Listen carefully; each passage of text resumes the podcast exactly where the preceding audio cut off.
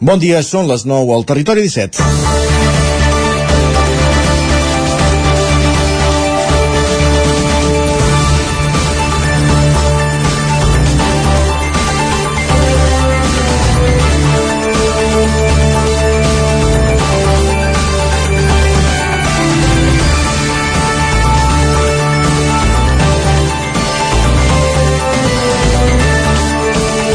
L'Agència Catalana de l'Aigua ha revisat la situació de sequera a les conques internes i ha decidit que set noves unitats entrin en l'escenari d'excepcionalitat. I aquestes unitats són la Noia Gaià, la Capçalera del Ter, l'Embassament de Darnius, Boadella, l'Empordà, Llobregat Mitjà, Prades, Llevaria i la Serra de l'Ada Transversal.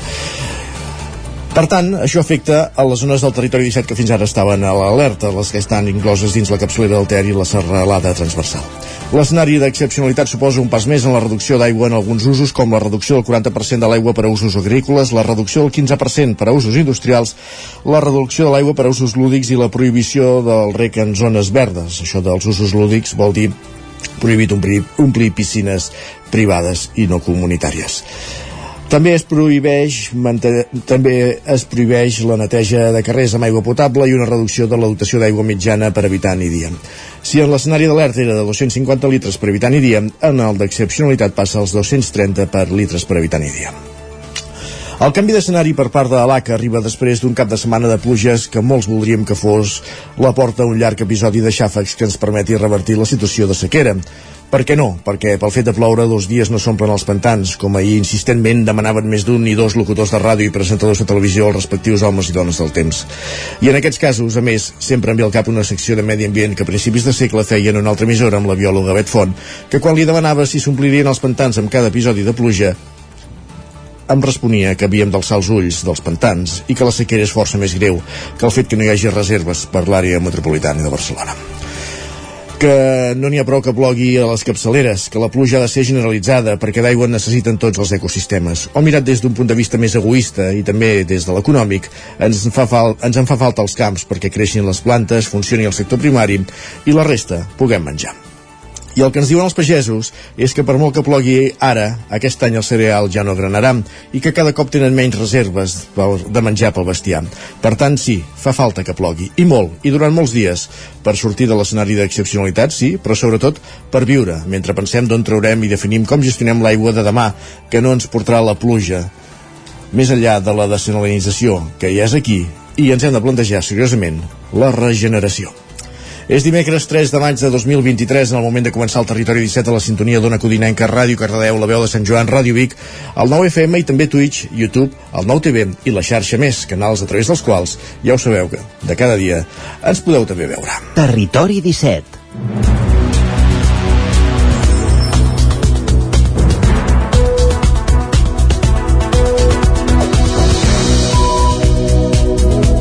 És dimecres 3 de maig de 2023, en el moment de començar el Territori 17 a la sintonia d'Ona Codinenca, Ràdio Cardedeu, la veu de Sant Joan, Ràdio Vic, el 9FM i també Twitch, el YouTube, el 9TV i la xarxa més. Moment de començar el Territori 17, ara que passen 3 minuts i mig de les 9 del matí al Territori 17, ja ho sabeu, el magazín de les comarques del Vallès Oriental, l'Osona, el Ripollès i el Moianès, que us fa companyia cada dia, cada matí durant dues hores, entre les 9 i les 11. De quina manera? Doncs mira, aquest matí repassarem l'actualitat de les nostres comarques durant aquesta primera mitja hora, també farem, farem un cop d'ull a la previsió del temps per als propers dies, ja si venen més episodis de, de pluja, com els del cap de setmana, i també anirem fins al quiosc, ho faran Sergi Vives, a repassar les portades dels diaris del dia. A partir de dos quarts de deu pujarem al tren, a la Trenc d'Alba, pugem a l'R3, curiosament, una de les línies que no està afectades per aquest incendi al centre de, de Gavà eh, però igualment sempre hi ha deficiències a la línia i ho recull cada dia l'Isaac Muntades des de la veu de Sant Joan en aquestes cròniques que es fa a la Trenc d'Alba recollint les cròniques, les queixes dels oferts usuaris del nostre tren de cada dia. A l'entrevista, avui en Roger Rams des d'Ona Codinenca conversa amb els responsables del Club de Futbol de Sant Feliu de Codines que en el marc del seu centenari tenien previst un partit contra els veterans del Barça però el pressupost s'ha encarit de cop i volta de 3.000 euros i evidentment eh, no estan disposats a assumir aquesta despesa. De tot plegat en parlarem, eh, com dèiem a l'entrevista, just després de la tren d'Alba dos quarts de deu i acabarem aquesta primera hora fixant-nos en alguns dels objectius de desenvolupament sostenible, els ODS. Notícies a les 10, la previsió del temps i avui el territori sostenible. Com cada dimecres amb en Jordi Givert des d'Ona Codinenca. També farem un cop d'ull a Twitter a partir de dos quarts d'onze i ens acompanyarà en Jordi Solem a l'Alegria Interior, l'espai dedicat al, PNL el Mindfulness i acabarem el programa parlant de llibres amb la Marta Simón, llibretera de muntanya de llibres de Vic, el Lletra Ferits veient com va aquesta ressaca de Sant Jordi i quines altres propostes literàries ens recomanen avui. Aquest és el menú del Territori 17 d'aquest matí de dimecres, per tant, ens posem en dansa amb les notícies més destacades de les nostres comarques, les notícies del Vallès Oriental, l'Osona, el Ripollès i el Moianès. Com dèiem a la portada, els municipis d'Osona s'afegeixen, i també els del Ripollès, a la fase d'excepcionalitat per sequera. Sergi Vives. Això ho van anunciar aquest dimarts al migdia el govern de la Generalitat i l'Agència Catalana de l'Aigua després d'una reunió de la Comissió in, Interdependent inter, interdepartamental departamental de la sequera. Osona forma part d'una de les set noves zones de les conques internes que passen a aquest nou estadi, la de la capçalera del Ter. D'aquesta manera són prop de 500 als municipis catalans que han d'augmentar les restriccions d'aigua. La nova situació comporta la reducció del 40% del, per usos agrícoles i del 15% en, als industrials, també per a usos lúdics. Es prohibeix el rec de zones verdes tant públiques com privades, la neteja de carrers amb aigua potable potable i la dotació mitjana d'aigua per habitant i dia, que passa de 250 a 230 litres per habitant i dia. Des del govern i l'ACA diuen que caldria multiplicar per 10 la pluja d'aquest cap de setmana per superar la situació de sequera. Més qüestions amb motiu minut de silenci a Sant Hipòlit de Voltregà. Desenes de veïns es concentren aquest dimarts a la tarda davant l'Ajuntament per donar suport a la família del jove mort en estranyes circumstàncies en el marc d'una baralla la matinada de dilluns, Sergi. Desenes de veïns i veïnes a Sant Hipòlit s'han concentrat aquest dimarts davant de l'Ajuntament al punt de les 7 per fer un minut de silenci en record del noi de 15 anys que va morir ahir de matinada. Família i alcalde han agraït el suport del poble davant d'un esdeveniment que mai hauria d'haver passat. Gerard Gerard Sancho és l'alcalde de Sant Hipòlit. Com a Ajuntament de Sant Hipòlit nosaltres recolzar i estar al costat de, dels familiars de la víctima i, i fins aquí bàsicament perquè ens deixem en mans dels Mossos d'Esquadra que són els encarregats de portar a terme la investigació i, i són ells els professionals per tant. La concentració d'avui té com a primer objectiu mostrar el rebuig més gran, contundent i decidit de tot el poble davant de la violència i dels fets ocorreguts ahir a la matinada al nostre municipi el segon objectiu i el més important és el de mostrar a la família tot el suport, l'escalf i l'estima de tots els seus veïns i veïnes. En aquests moments tan difícils podeu tenir la certesa que no esteu sols i aquesta plaça n'és l'exemple. També han agraït el suport mèdic i la tasca policial tant d'investigació com de recerca de Dani Montes, l'home de 40 anys que presumptament hauria disparat a la víctima i que no va ser localitzat a Vinyoles fins al cap d'hores després de fugir pel bosc. Eh, justament els Mossos d'Esquadra l'han portat a la comissaria al municipi per reconstruir els fets i la previsió és que avui passi a disposició judicial.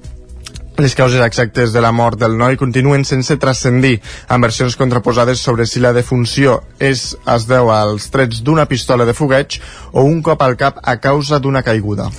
Més qüestions. Un motorista va morir aquest dimarts a causa d'una sortida de via al punt quilomètric 178 de l'eix transversal a Gurb. L'accident va tenir lloc al voltant de 3 quarts de 12, just a l'accés del pont que creua per sobre de la carretera C-17, en el punt on s'uneixen les dues vies. Segons el Servei Català de Trànsit, la víctima és un home de 77 anys veí del Carràs. Els Mossos d'Esquadra encara estan investigant les causes del sinistre. A causa de la incidència es van activar tres pa patrulles dels Mossos d'Esquadra i una unitat del sistema d'emergències mèdiques. Pel que fa a l'afectació viària, hi va haver un carril tallat a la C25 en sentit Girona i hi va haver tensions d'uns dos quilòmetres. Al voltant de les 3 de la tarda la situació es va normalitzar. Aquesta és la primera víctima mortal en un accident de trànsit aquest any a Osona. Més qüestions, anem cap al Ripollès perquè Esquerra de Sant Joan de les Abadesses es reuneix amb l'Elèctrica Pública Catalana i l'ACA per estudiar la recuperació de la central hidroelèctrica de la colònia de Lleudet de Sant Joan de les Abadesses.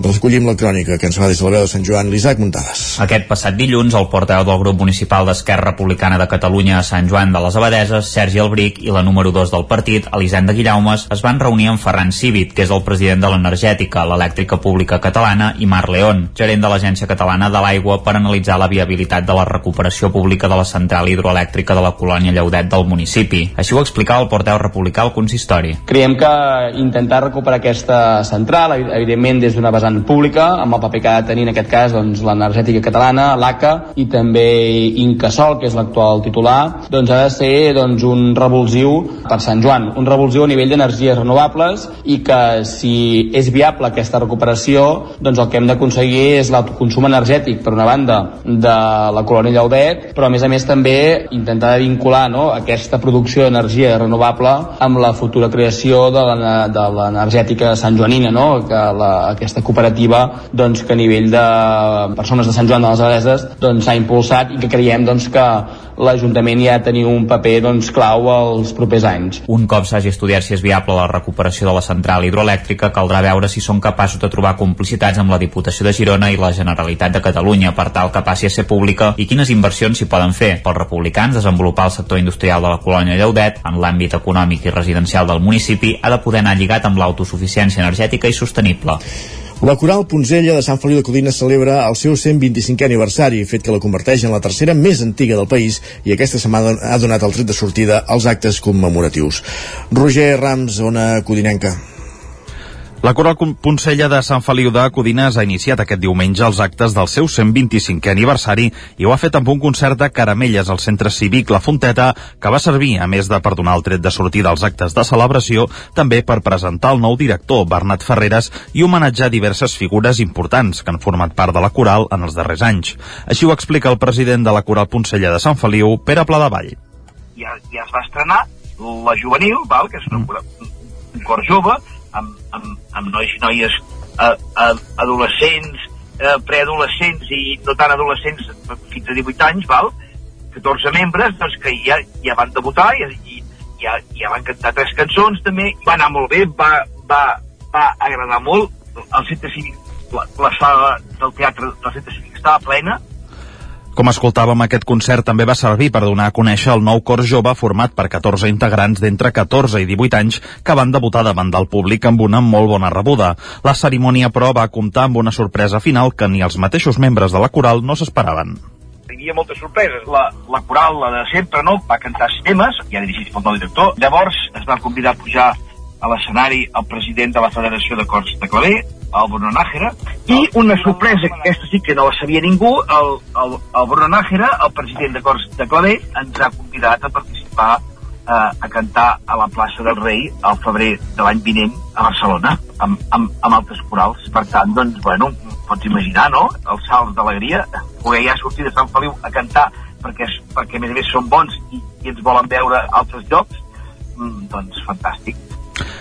Anirem seguint, doncs, els propers actes de la celebració d'aquests 125 anys, que ha donat tret de sortida aquesta setmana, però que en té previstos diversos al llarg de l'any, i també aquesta commemoració de la tercera coral de claver més antiga de tot Catalunya. Gràcies, Roger. Més qüestions tornem a Osona perquè Estrella Sangles, que els últims 37 anys ha estat l'agutzil de Tabertet, s'ha jubilat. Veïns, amics i familiars li han fet un homenatge aquest dissabte en un acte que es va fer a la plaça de l'Església. Ja en plena jubilació, Sangles diu que d'alguna manera o altra continuarà vetllant pel poble, Sergi. Després de 37 anys dedicada al poble, Estrella Sangles passeja des d'aquest dilluns com una veïna més de Tabertet. A només unes hores de jubilar-se, Sangles va, fer, va ser sorpresa per amics, familiars i veïns del poble que dissabte a la tarda omplien la plaça de l'església per agrair la feina eh, de qui durant gairebé quatre dècades ha estat l'agutzil municipal. Una tasca que a partir d'ara ja no assumirà Sangles, qui ja en plena jubilació reconeix que d'alguna manera o altra el seu ADN la portarà a continuar vetllant pel poble. No marxo de Tabartet, marxo d'una feina. D'una feina que he plorat, he rigut i he tingut eh, Diputació, Generalitat, Mossos d'Esquadra, tothom molt content. I marxo amb un cor ben gran. I que mai he fallat al poble. Mai, mai. I és que dissabte van ser molts els veïns i les veïnes del poble que no van dubtar a fotografiar-se amb Sangles, que dissabte vestia per penúltim cop la camisa blau cel amb l'escut de Tabartet que ha lluït durant tota la seva etapa laboral. Entre abraçades i aplaudiments, l'homenatjada també va rebre un ram amb 37 roses, una per cada any que ha estat al servei del municipi. M'he cuidat de la gent que han tingut problemes, els he ajudat, he netejat jardins, he estat a la goita del poble que sigués tan maco com continua sent. La seva figura, el que significa pel poble, ja ho heu vist. Està al 90% de la gent del poble, de l'Esquirol, de Rupit, és una persona emblemàtica, és una persona que ha fet totes les tasques que es pot fer en un poble, i més, sense horaris, eh, i plen, a plena disposició de tothom. Quan algú necessitava alguna cosa, allà estava l'estrella. I demà, a les 12 del vespre, acaba la seva etapa laboral, jo no diria etapa laboral, eh? diria etapa sentimental, perquè s'ha dedicat a un poble amb tot el seu cor. Amb la jubilació de Sangles, l'Ajuntament està pendent ara de cobrir la seva plaça. Qui ens ho explica és l'alcalde de Tavertet, Albert Pardo. La seva figura ara surt en, en plaça. Eh, intentarem que el que guanyi la plaça faci la tasca que pugui la tasca d'ella no la podrà fer mai perquè no parava, en 24 hores no parava el mòbil, bueno, és aquelles eh, tasques que no es paguen amb diners. L'homenatge va finalitzar amb una foto de família a les portes de l'església. I a la pàgina esportiva us hem de parlar de la segona edició de l'Open Block no mixt del Boulder, la fusteria de Cardedeu. Pol Grau, Ràdio Televisió Cardedeu. Des de la Comissió Feminista del Boulder de la Fusteria de Cardedeu s'ha organitzat el segon Open Block no mixt. Després del gran èxit de l'última edició, s'ha tornat a organitzar una competició mixta on dones i persones d'identitats dissidents han pogut escalar uns 30 blocs situats a la fusteria i a la plaça de les dones treballadores. Ens expliquen integrants del Boulder de la fusteria. El, el format de competició és una mica l'excusa per ajuntar-nos i passar-s'ho bé. Hem fet diferents nivells. Eh, al principi del matí, des de ara les 11 fins a les 2 del migdia, eh, farem la classificatòria, on tothom pot provar tots els blocs i van sumant punts. Llavors, dinarem totes plegades i després farem les finals. I llavors la final és una mica el show i l'exhibició de les noies més fortes que han vingut a demostrar el bé que es calen. I, i llavors també s'hi genera com un ambient molt maco maco que estem allà animant-nos totes i fent-nos-ho molt bé. Al Boulder ja hi ha torns amb diverses franges d'hores on només escalen dones i persones amb identitats dissidents. Des de la Comissió Feminista es vol garantitzar un espai segur i lliure de violència. L'escalada és un ambient eh, que des de fa molts anys ha sigut molt masculí, ha sigut molt difícil fer-nos lloc en aquí, no? I això és una forma també doncs, de dir aquí estem, no? I venim a ocupar espais. L'Open No Mixt ha comptat amb plafons de la Federació d'Entitats Excursionistes de Catalunya. Gràcies, Pol. Acabem aquí aquest repàs informatiu que començava amb el punt de les 9 en companyia de Sergi Vives, Pol Grau, Roger Rams i Isaac Muntades. És moment al territori 17 de saludar també el nostre home del temps, en Pep Acosta.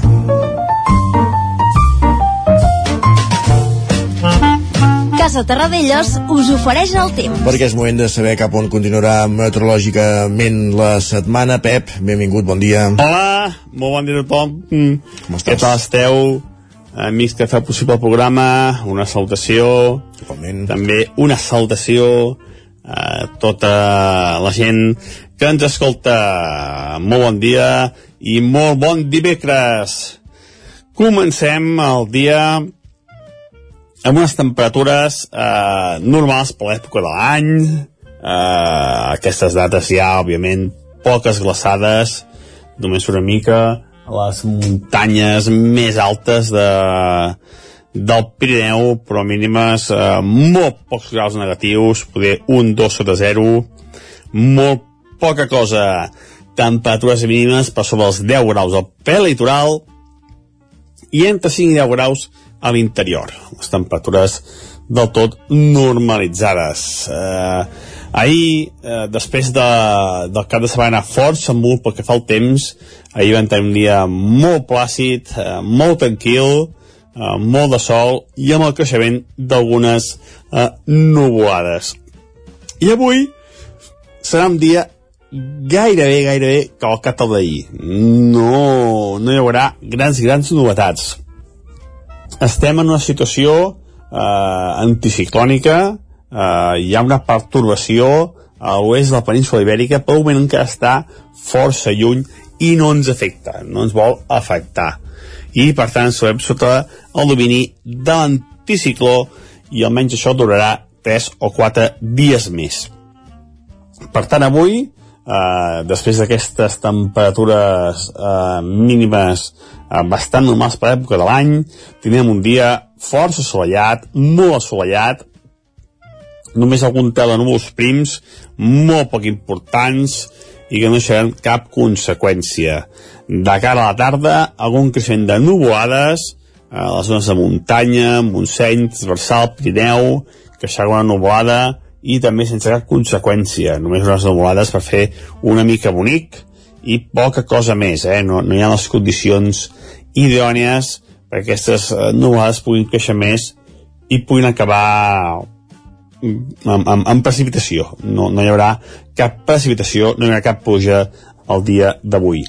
Les temperatures màximes es donaran cap a les 3-4 de la tarda i votaran eh, els 25-26 graus. Les temperatures molt semblants als d'ahir, eh, les màximes de la majoria, això, eh, entre els, els 23 i els 26-27 graus. Unes temperatures també o normals per l'any, però una mica més altes del que haurien de ser, però vaja, eh, unes temperatures força, força normals per l'època de l'any. Vents febles, de direcció variable, no tenim cap temporada vent en lloc, eh, uns vents molt, molt febles, i això, eh, molt de sol, només alguna nuvolada de tarda molt i molt inofensiva. I això és tot, a disfrutar aquest dimecres, aquest eh, maig que va passant, eh, aquesta setmana que va passant, i a veure si de cara al cap de setmana es preveu una situació diferent amb aquesta perturbació de l'oest del País que ens pot afectar i pot produir algun canvi una mica més important. Moltes gràcies, fins demà, adeu. Gràcies, Pep, parlem d'aquí una estona. Avancem al territori 17, anem cap al quiosc. Casa Tarradellas us ha ofert aquest espai. I si anem al quiosc, Sergi, és perquè volem saber quines són les portades dels diaris del dia. És dimecres, per tant, avui comencem per la portada del... Del punt avui, doncs que, del punt avui que encapça la portada amb el, amb el Delta amb, amb, amb tot aquest caos no, de les oposicions. Expliquen que han destituït a la directora general de la Funció Pública pel caos de la convocatòria de dissabte. Diuen que les errades i els problemes d'organització faran que es repeteixin alguns dels exàmens. També diuen que la consellera Vilagrà compareixerà al Parlament enmig de les crítiques de l'oposició. Per altra banda, també destaquen la indignació pel caos ferroviari després de l'avaria de l'R2. Expliquen que la incidència s'allargarà entre 3 i 4 setmanes. Mentrestant, el govern ha reforçat el servei Ambus. El periòdico destaca el pla que hi ha per ampliar el pantà de Boadella en plena sequera. Expliquen que l'ACA analitza si l'embassament de l'Alt Empordà pot emmagatzemar més aigua. Per altra banda, diuen que Mateu Alemany, director esportiu del Barça, tanca per sorpresa la seva etapa amb el club blaugrana. La Vanguardia diu que la restricció d'aigua s'amplia i arriba a 6 milions de persones a Catalunya. Expliquen que el govern entén la limitació de 224 a 400 estén, perdó, la limitació de 224 a 495 municipis i abaixa el consum de 250 a 230 litres per habitant i dia. Afegeixen que Esquerra saber suavitzar les sancions anunciades als ajuntaments que no presentin plans d'emergència. Per altra banda, diuen que Espanya oferirà un milió d'euros a 25 investigadors de primer nivell mundial. Expliquen que el programa Atreu fitxarà científics de qualsevol nacionalitat líders en la seva àrea. Lara destaca que la bateria del Carmel estrena tanques. Expliquen que ahir a la nit es van tancar les reixes situades a l'antiga antiaèria del Carmel per evitar que joves turistes i locals hi facin festes que molesten els veïns. Per altra banda, diuen que Educació crearà un registre dels casos de bullying entre alumnes. Expliquen que els alumnes de primer d'ESO rebran formació obligatòria per prevenir l'assetjament escolar i s'unificaran els protocols.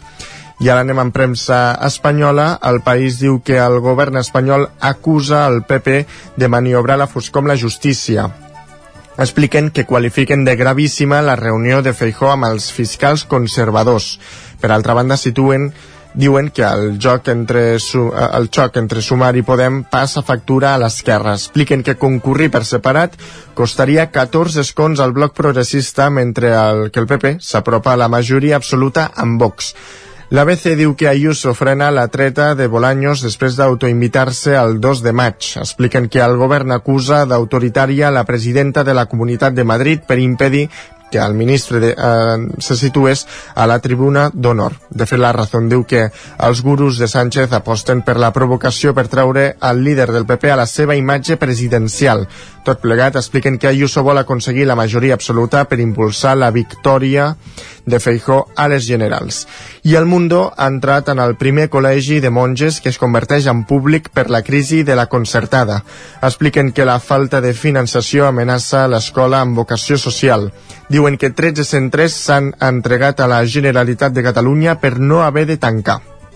Per altra banda, diuen que Hisenda també guanya quan perd. Apunten que els contribuents pagaran 100 milions en IRPF pels interessos de demora.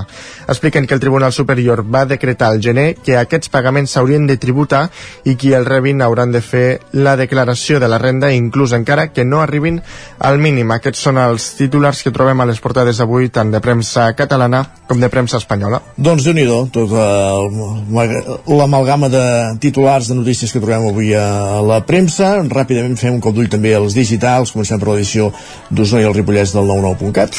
Doncs eh, destaquen aquesta gran expectació que hi ha a Sant Hipòlit per la reconstrucció del crim. Això era ahir al matí, els Mossos d'Esquadra tornaven a, al lloc dels fets amb, amb el detingut, amb Dani Montes, que ha passat ja dues nits a la comissaria.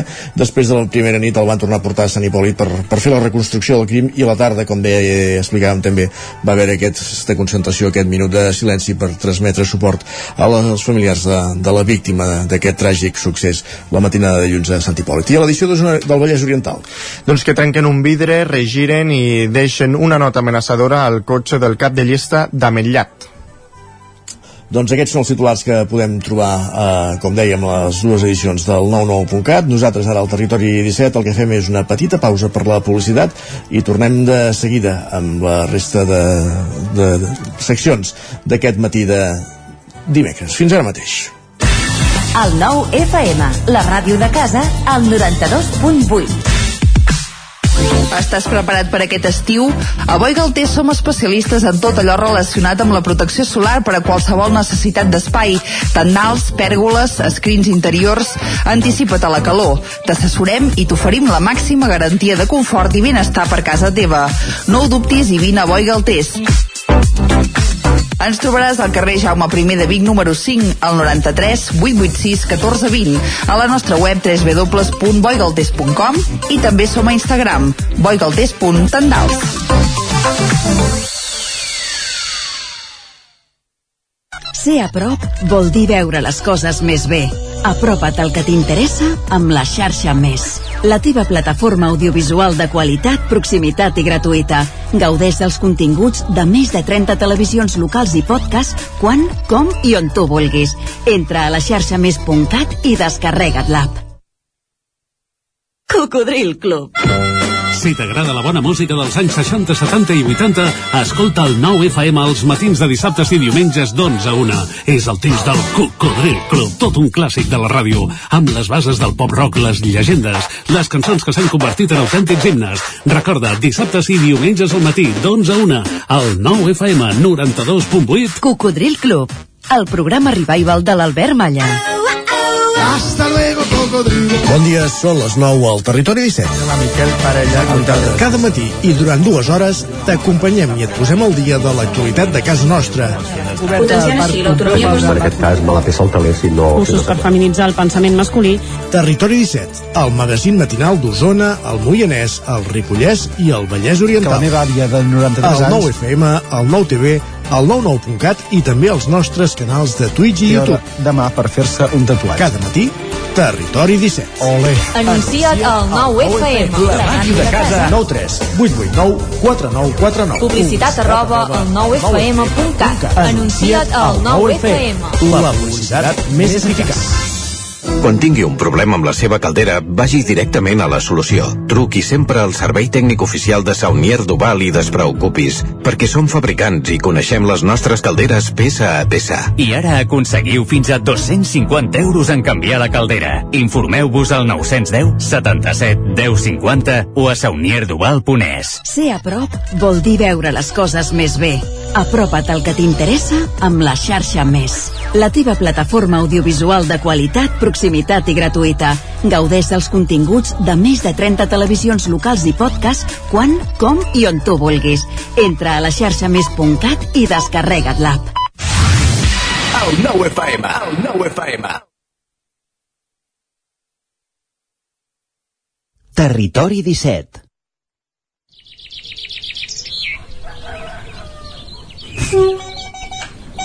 A Tren d'Alba. Cada dia els usuaris i usuàries de la línia R3 de Rodalies que veuen sortir el sol des d'un vagó ens expliquen les gràcies i les penes del primer comboi que uneix Ripoll i Barcelona o les feixugues jornades amb el tren després de treballar. Benvinguts a Tren d'Alba. Males notícies perquè l'incendi que es va produir en un quadre de senyals a l'enclavament de Gavà és més greu d'allò que semblava en un inici i tot apunta que tardaran entre 3 i 4 setmanes a solucionar-ho. L'avaria afecta la circulació dels trens a la línia de Rodalies R2 Sud des d'aquest dilluns al vespre i segons el secretari general d'Infraestructures del Ministeri de Transports, Xavier Flores, hauria estat provocada per un llamp que, amb molta mala sort, va incendiar aquest quadre de comandament del sistema que controla la circulació de trens. Això afecta la senyalització entre el Prat i Castelldefels i obliga a reduir el nombre de convois que hi circulen, i s'han hagut de reprogramar tots. El dimarts ja s'havia aconseguit que circulessin dos trens per sentit i hora, la meitat de l'habitual, i esperen que avui mateix ja es pugui augmentar els tres trens per hora i sentit. La R2 Sud entre Sant Vicenç de Calders i Estació de França per Vilanova és la línia més afectada. Segons Renfe, la freqüència és ara d'un tren cada 30 minuts entre Sant Vicenç de Calders i Barcelona i s'han posat reforços puntuals entre Vilanova i Barcelona. També estan afectades les línies de mitja distància que circulen per les mateixes vies, la R13, la R14, la R15, la R16 i la R17. Va, ens retrobem demà amb més històries del tren i de la R3. Gràcies, Isaac. Parlem d'aquí una estona i després de l'R3 el que fem és anar cap a l'entrevista. Territori 17, el 9 FM, la veu de Sant Joan, Ona Codinenca, Ràdio Cardedeu, Territori 17.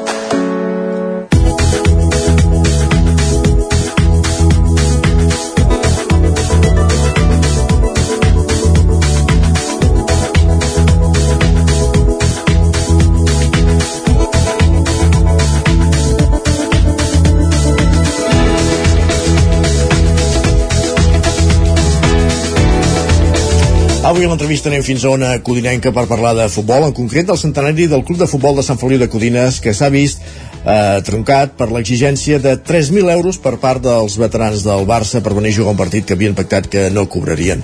La polèmica es va conèixer la setmana passada, però el club encara no ha rebut cap resposta oficial del Barça. Roger Rams, des d'Ona Codinenca, conversa amb Àlex Mir, membre de la Junta del Centenari del club, per conèixer més detalls d'aquesta situació. Per tant, anem, com dèiem, fins a Ona Codinenca i saludem el nostre company Roger Rams. Benvingut una setmana més, bon dia. Avui aquí als estudis d'Ona Codinenca ens acompanya l'Àlex Mir, ell és membre de la comissió del centenari del Club de Futbol de Sant Feliu per parlar de futbol i de les polèmiques que hi ha hagut al voltant de la celebració d'aquest centenari vinculades al Futbol Club Barcelona. Bon dia, Àlex. Primer de tot, eh, per posar en context a l'audiència, ens pots explicar una mica com sorgeix aquesta polèmica, per dir-ho així, aquesta sorpresa, quan teniu aquesta sorpresa per part de, dels veterans de, del Barça, en aquest cas, de demanar-vos diners a canvi de venir a jugar a Sant Feliu quan s'havia pactat el contrari?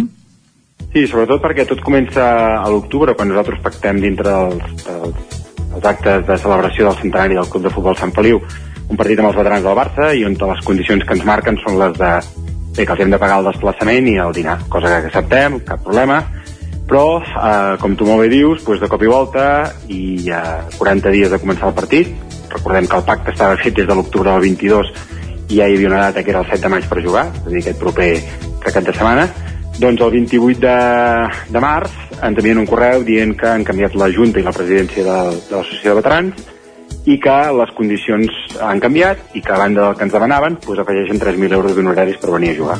Evidentment, és impensable per un club amateur com el Sant Feliu assumir aquest cost i a partir d'aquí és quan sorgeix doncs, tota aquesta polèmica. Uh -huh. Aquesta polèmica, recordem, Àlex, es fa gran eh, quan salta també als mitjans de comunicació. Ens pots explicar una mica com ha estat aquest procés i si hi ha hagut alguna reacció arran d'aquesta publicació? A veure, nosaltres ho vam intentar, jo crec que fer ben fet, i és en el sentit que quan ells ens contesten això, nosaltres el primer que fem és contestar en aquest correu electrònic dient que, bueno, que recapacitin, que entenem que ells havien donat una paraula i que per tant no la podien trencar així de forma unilateral, ells al cap, al cap d'uns dies ens contesten dient que, que ho han tornat a parlar i que, i que no, que o cobren 3.000 euros o no venen, i és així de tajante. En aquest sentit, nosaltres, abans de posar els mitjans de comunicació, què fem? Enviem una carta al Futbol Club Barcelona, en aquest cas com a institució, adreçada al, al propi president Joan Laporta, eh, on li, li expliquem la situació, li enviem tota la documentació de com ha anat el procés, i simplement el que li venim a manifestar és si el Futbol Club Barcelona, com a final com a institució i, i com a valors que, que de cop i volta pues, estan exposant per tot arreu i d'ajudar el futbol català i totes aquestes coses, sí veu normal que, que una associació que depèn d'ells, que és l'associació de, de jugadors del Futbol Club Barcelona, pues, actuï d'aquesta manera. Nosaltres ho enviem en paper, al cap d'uns dies, com que no ens responen, ho enviem també en correu electrònic tot digitalitzat, i al cap d'uns dies ens contesten dient que ho hem d'enviar a relacions institucionals i protocol. Així ho fem i de moment del Futbol Club Barcelona no en tenim cap, cap resposta. Paral·lelament, quan veiem que passen els dies i el Futbol Club Barcelona no ens contesta i ningú ens diu res, doncs decidim llançar-ho a la llum pública. En aquest cas primer ho fem en el programa Tu jugues d'aquí de la casa, de la Codinenca, i a partir d'aquí doncs, ho llancem a tots els mitjans de comunicació.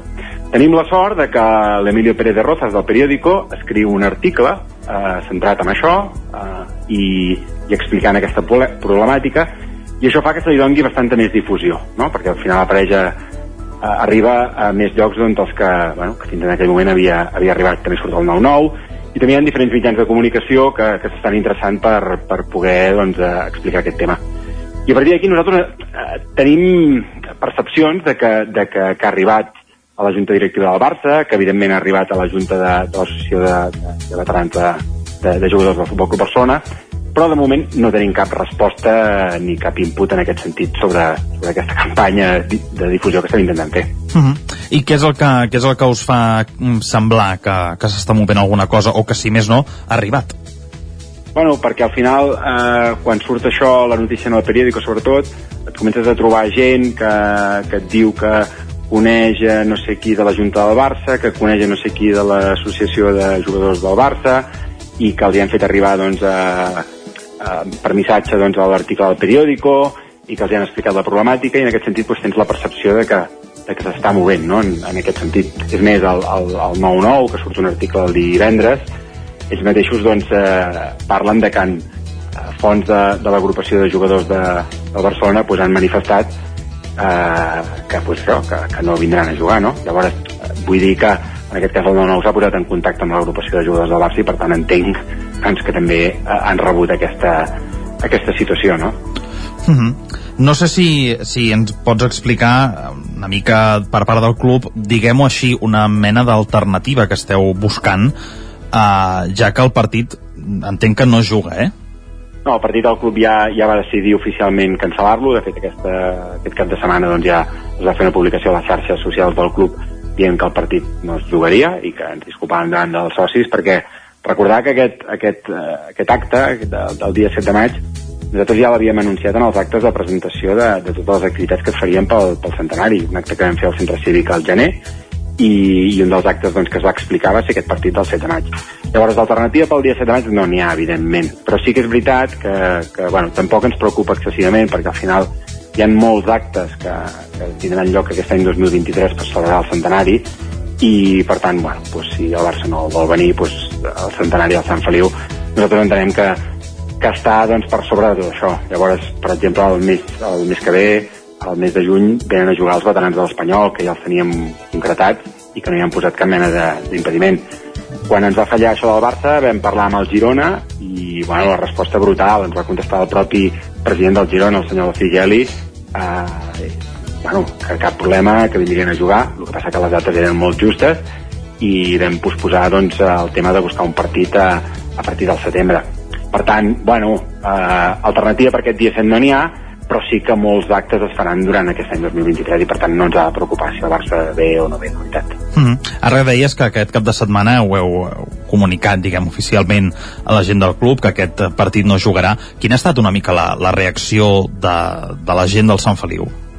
Bueno, la gent està indignada des de fa dies, des de que tot això es fa portar la llum pública, doncs la veritat és que, que hi ha molta indignació, molta indignació perquè no s'entén jo crec que hi ha dues coses que no s'entenen. La primera és que la més flagrant és que l'associació de, de, de jugadors de Futbol Club Barcelona trenqui de forma unilateral un pacte que tenien fet des de fa 4 o 5 mesos enrere, amb la qual cosa és una falta de respecte envers el Club de Futbol Sant Feliu, els seus socis, i jugar amb les il·lusions al final de, de, de tota aquesta gent que forma part del club, perquè al final, eh, com et deia abans, l'acte de, de presentació dels actes del centenari es va explicar que es faria aquest partit, hi havia doncs, tot l'equip de veterans que estaven il·lusionats en jugar aquest partit contra els veterans. Bueno, era per fer un dia festiu, no? Llavors, el fet de que unilateralment hagin trencat la paraula, això la gent no entén. I la segona cosa que et deia pues, és el fet de dir, ostres, ens sona una mica estrany de que tota una agrupació de, de, de jugadors del Futbol Club Barcelona, que té un respaldo a darrere del Futbol Club Barcelona, pues, hagi de finançar-se en part eh, cobrant 3.000 euros a petits clubs eh, amateurs que celebren el, el centenari, no? que que ja no és pel Sant Feliu, no? O sigui, és que demanar 3.000 euros, no ho sé, al Caldes de Malavella, a la Rapitenca, o a qualsevol equip de, de, del futbol amateur, és una autèntica bestiesa. Per tant, eh, la gent, bueno, al final et diu, ostres, doncs valdria més que no anessin a jugar i que diguéssim, mira, juguem tres partits a l'any, nosaltres els triem, que no, des del nostre punt de vista, fer el ridícul de, de cobrar 3.000 euros. Mm -hmm. I ja per acabar, Àlex, no sé si ens vols explicar una mica quina és l'agenda d'aquest centenari en, els, en les properes setmanes, els propers mesos, algun eh, acte destacat que, que tinguem? Bueno, anem, anem al curt termini, que és que el proper, ara no tinc les dates davant, però diria que és el proper dia 7 de, de juny, hi ha una jornada de futbol femení que serà molt xula, perquè bueno, doncs vindran, es fa un torneig de futbol femení al matí amb, amb equips doncs, de, de prestigi. Al final doncs, vindran infantils femení del Girona, de l'Espanyol, del Terrassa, del Levante Les Planes i també del Sant Feliu, per tant quedarà un torneig molt xulo. S'està mirant que, com que coincideix també que hi ha la final de la Champions femenina, pues, a mirar-la tots plegats, aquesta final de la Champions femenina, i després de la final pues, fer unes xerrades uns col·loquis amb, amb gent del futbol femení. I en aquest cas pues, també el Girona s'ha brindat a portar-nos eh, coordinadors, jugadores, una mica hem d'acabar de mirar quin format farem, però serà una jornada molt xula. Al mateix eh, mes de juny hi ha el partit de veterans contra l'Espanyol, que també serà un partit molt xulo i també serà una jornada molt, molt xula. Hi ha la presentació del llibre del centenari. Eh, al mes de setembre hi ha l'acte central, eh, l'exposició, que a més a més l'exposició és molt important perquè l'exposició s'ha digitalitzat una gran quantitat de material i entrarà dintre de les jornades europees de patrimoni per tant, bueno, amb una rellevància que, que és molt, molt interessant de, de donar-hi de donar-hi de donar difusió quan, quan arribi, que això serà, suposo, cap a l'octubre. Per tant, hi ha moltes cosetes que s'aniran fent al llarg d'aquest any i, i que esperem doncs, anar-les comunicant i que, que aniran sortint de més, segur. Mhm. -huh. Doncs Àlex Mir, eh, membre de la Junta del Centenari del Sant Feliu, gràcies per atendre'ns avui aquí a una Codinenca i anirem seguint de ben a prop doncs, tots aquests actes que sí que es tiraran endavant a Sant Feliu i t'agraïm un cop més que ens hagis volgut explicar aquest cas que, que heu patit en aquest, en aquest centenari. Moltes gràcies, Moltes Àlex. Gràcies a vosaltres per la, per la difusió. Que vagi molt bé, gràcies.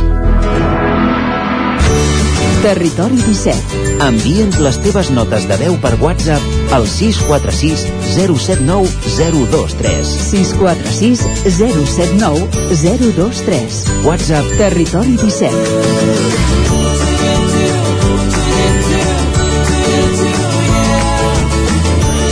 Territori 17. Som a Facebook, Twitter i Instagram amb l'usuari Territori 17. Minut i mig perquè siguin tres quarts de deu del matí, avancem al territori 17 i ens fixem ara en els objectius de desenvolupament sostenible, en els ODS, o en algun d'ells.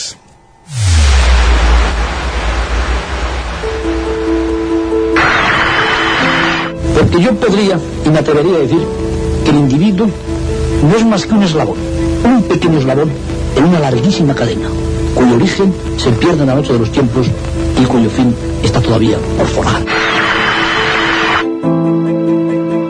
L'aleteig d'una papallona es pot sentir a l'altra punta del món. Tot comença per tu. Susara Avia Punto. Ona ODS. Onda ODS. Una finestra oberta Una ventana abierta. a un futur sostenible. Etorkizun jasangarri baten ardatz. Unha fiestra aberta A un futur sostenible.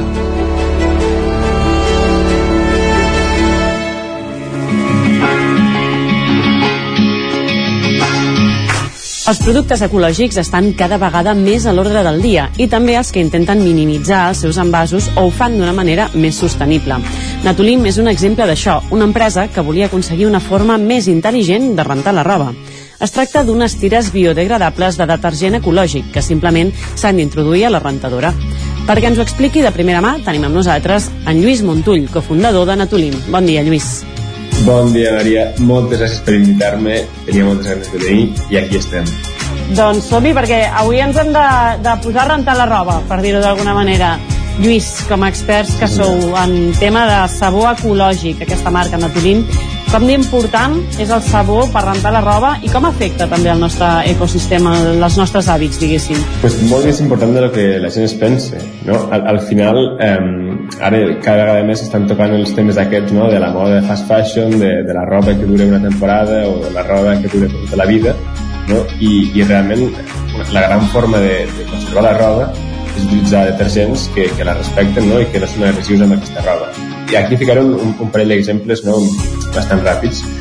Um, la quantitat de detergent que utilitzes per rentar la roba és primordial i jo fins, que gràcia que ho diga jo, no? També dic això, però fins fa uns anys, abans de ser expert en detergents, quan, quan ficava rentadores agafava el, el tap de la botella de líquid venga cap a dintre i, i això era tot, no? I, i al final aquí... Ah, no, no, està, no està bé això, no? Ja, ja comencem No malament, bé. això no està bé. Ja, ja comencem malament. Sí, ja tinc un gomet vermell.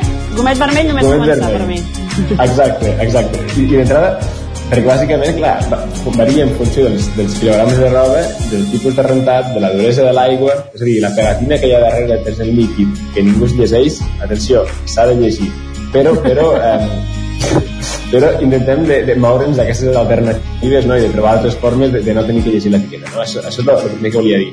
Després, ja, segon gomet, ja, ja em convertirem en enemic públic número 1, Maria, el suavitzant. El suavitzant és bastant dolent per la roba. Ah, sí? Jo, Mira, jo, jo a més jo soc eh, d'aquelles de... Perquè olori bé, eh? Fot-li.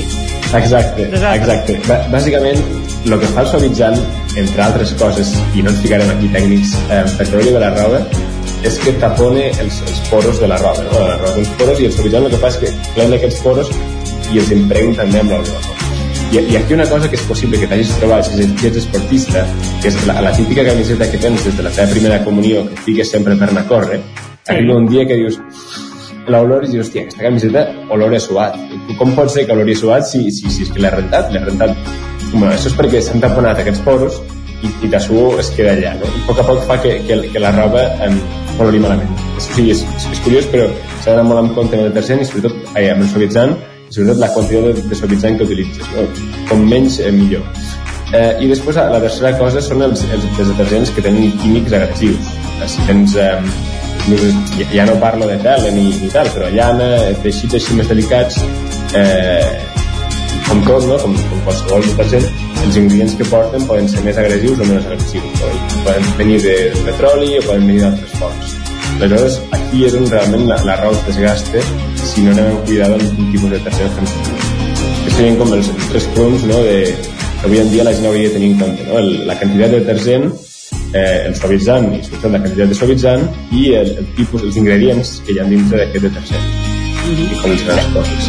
De, de quina manera afecten els, el, el detergent habitual que podem fer servir en el nostre ecosistema?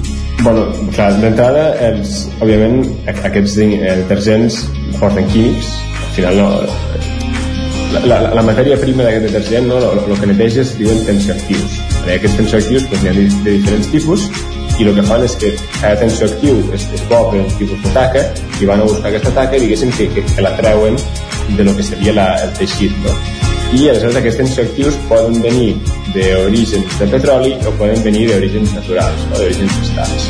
Aleshores, és més barat l'origen de petroli i la majoria de detergents utilitzen això. No? Aleshores, entre altres coses, a més d'ingredients de, de relleno que porten, això un cop ho, ho rentes acabes al mar. I diguéssim que, però afecta bastant al, al medi aquàtic. Aquesta és la, la part de, de l'oxidi detergent. Després està l'altra part, que a mi és el que, el que em va semblar més fort i el que ens va portar a començar tot l'informe a aprendre, que és que només el 20% de les botelles de plàstic de detergents reciclen. El resto acaben amb, Només marge 20%. Sí, amb marge d'abocadors, exacte. És a dir, encara que tu utilitzis el contenidor groc, ja no és que la gent no faci les coses, que simplement per la naturalesa del tipus de plàstic, per el pringós que està en i tal, no val la pena reciclar. No val la pena. Òbviament, Des d'un punt de vista mediambiental sí, no? però des d'un punt de vista econòmic no els hi val la pena. I el que fan és que o el tiren a abocadors o l'empaqueten i l'envien a altres països on la legislació per portar-los al mar és més laxa. Oh. Aleshores aquest és una mica... És a dir, o, o se'n desfan aquí a abocadors o els envien a un altre país perquè se'n desfacin ells. Són els, els problemes que hi ha amb el plàstic, sobretot de les botelles de tercers. No? I aquí va ser quan, quan fa dos anys, amb, amb el David, el meu soci, vam, vam veure un reportatge d'això ens vam donar compte de, de la gravetat de l'assumpte. I, i bueno, jo crec que afecta molt no? al, al nostre medi, al nostre medi ambient, sobretot, i al nostre ecosistema, tot el tema de, del plàstic i del tercer. Comentaves també que el, els que venen de petroli, suposo que són més, més econòmics, eh, vist així, d'alguna manera, com es pot fer per eh, ser, no, no arruïnar-nos d'alguna manera, estalviar i alhora protegir la roba, que també ens deies al, al, principi de tot doncs això, no? que molts químics afecten les nostres peces i a més a més ser sostenibles. És complicat, eh? És, és, és complicat. És que ho vull tot, no? Jo ho vull tot. I... Ja, exacte, exacte. I, i, i, això, és, I això és el que volem. O sigui, nosaltres és, és el que hem intentat fer i és el que intentem fer des de Natulim, no? O sigui, al, al final tens, tens aquest tema de dir, bueno, a veure, la, la, la, la resposta ràpida és tallar marges des de la part de l'empresa. És una, és una resposta ràpida i, i fent venda directa. No? És a dir, com aconsegueixes que hi hagi bons ingredients de qualitat, que, que protegeixi la roba i la renti que no sigui car? Tallant intermediaris, bàsicament. O sigui, en comptes de vendre a un distribuïdor que ho ven al supermercat que t'ho ven a tu, tens una web la nostra, vas a la web i ho compres. No? Diguéssim que és, és, és l'única forma que tens realment de, de, de afegir i fer aquestes, aquests requeriments i no enfonsar-te amb un preu caríssim. No? Um, jo crec que bàsicament la resposta passa per comprar directe de persones no? Llavors es tracta d'alguna manera, però a més a més entenc que estalviant-nos aquests distribuïdors entren altres coses en joc. Per exemple, tu ens parlaves del, del packaging, d'alguna manera, el, el, aquest envàs que, va, que, va, que, que no és recicla, reciclable o és en molt petita part. Eh, no sé, en el vostre cas, per exemple, amb Naturim, com, com ho heu fet o, com, o com, quins envasos recomanes per, per poder solucionar una mica això? Exacte. Bàsicament, no volia fer molta publicitat, però explico una mica com, com és el format de Naturim per, per donar una mica Aprofita de, que estàs aquí i explica'ns tot. de context als oients. Això mateix, Maria. Bàsicament, el, el, el, el tercer tradicional té un 90% d'aigua. Vale? I, I aquesta aigua, que es mou amunt i avall, no té cap sentit, moure-la. Puc espai, eh, genera CO2 al transport i fa que sigui pesat i voluminós. I el que vam trobar és vam dir, bueno, vam, vam, vam, anem a intentar fer aquest detergent deshidratat. Anem a fer un procés per, per treure l'aigua i, i el que ha quedat és una espècie de, de fulla, una fulla de... seria visualment seria semblant a una toallita, una tovallaleta tota la vida, l'únic que es desfà, és biodegradable i quan entra en contacte amb l'aigua es desfà i es torna segur. La gràcia d'aquest format sòlid és que aleshores ho podem ficar en una capseta de cartó compostable i, eh, i bàsicament, clar, això pues, el que passa és que t'arriba la bústia que et deia, no? no cal anar a comprar-ho pel lloc, t'arriba la bústia i quan t'has gastat les tires i l'has acabat, aquesta caixeta, pues, si fas compost a casa, pots fer compost, o la pots tirar orgànica o la pots tirar al, paper i al cartró, no? però t'assegures que es reciclarà no? i que no hi haurà aquest problema amb, amb el plàstic que es genera amunt i avall. Llavors, òbviament aquest és el, el, el gran punt també de valor que té la turisme, no? de que pues, no genera residus de plàstic. I a, a nivell de una que dèiem era la possibilitat de que, de que amb els químics habituals que tenen els altres detergents després malbé la roba, uh, de, de, de, de què, què, què trobem dintre d'aquesta tovalloleta, per dir d'alguna manera, a nivell de... Com es renta la roba si no és amb químics? Exacte, no, no, els tensioactius, els químics aquests, hi són iguals, vale? I, i l'únic que són molt menys abrasius, perquè venen d'origen vegetal i bàsicament el que fa és que tenim piles i piles de clients, piles i piles de clients que ens diuen, escolta, em sortien ronxes amb el detergent tradicional, pensava que era normal, no? pensava que els detergents havien de ser així, amb vosaltres em funciona. I això, aquests missatges a mi impliquen. Jo, quan rebo un correu d'aquests, ja, ja em fa el matí. És allò, com pensa, els problemes de sempre entrenador de Luke Lavis, hòstia, hòstia, quin problema que tinc, reps un nivell com aquest, se't, se't compensa el dia, no? Però, bàsicament, sí, el que vam dir és, bueno, anem a mirar quins són els ingredients que, que hi ha a les recreacions tradicionals i quins són els ingredients que, que podem treure, quins són els que podem canviar. Com, com una petita anècdota que ens vam donar compte, és que Natolín fa molt poca espuma, perquè l'espuma com a tal és un detergent de relleno. Que històricament, des de, des de, des de les nostres àvies comprant els detergents, um, es deia que si no feia espuma no rentava. Això és fals. L'espuma és un detergent, és un ingredient, a més a més, que es fa per, per afegir-li dinamisme no, a la rentadora. Realment l'espuma no, no renta, no, no porta res. És una de les coses que, que vam treure. I, um, clar, el, el procés de dos tios que estan preocupats pel medi ambient que sí que han fet química a la carrera i tal, però que no en saben massa de detergents, sí, eh? Um, anar ingredient ingredient com uns friquis comprant tots els detergents del rengló mirant quins ingredients hi havia, d'on venien de quin tipus, no? i va ser una mica com, com vau experimentar prova i error ja et diré, ja t'ho dic ara, eh? el primer el primer prototip que vam fer a Natolín no netejava molt bé, vull dir, no, no, no estàvem on estem ara, no? ja, ja, ja hi ha hagut un procés darrere i, i ha sigut molt guai, la veritat ha, ha, estat, ha, estat, ha estat molt divertit i molt formador Lluís, moltíssimes gràcies per estar amb nosaltres en aquests informatius d'Ona ODS. Esperem que Natolín segueixi endavant i que a poc a poc l'anem trobant a més llocs. Moltes gràcies. Territori, Territori 17. 17. Territori 17.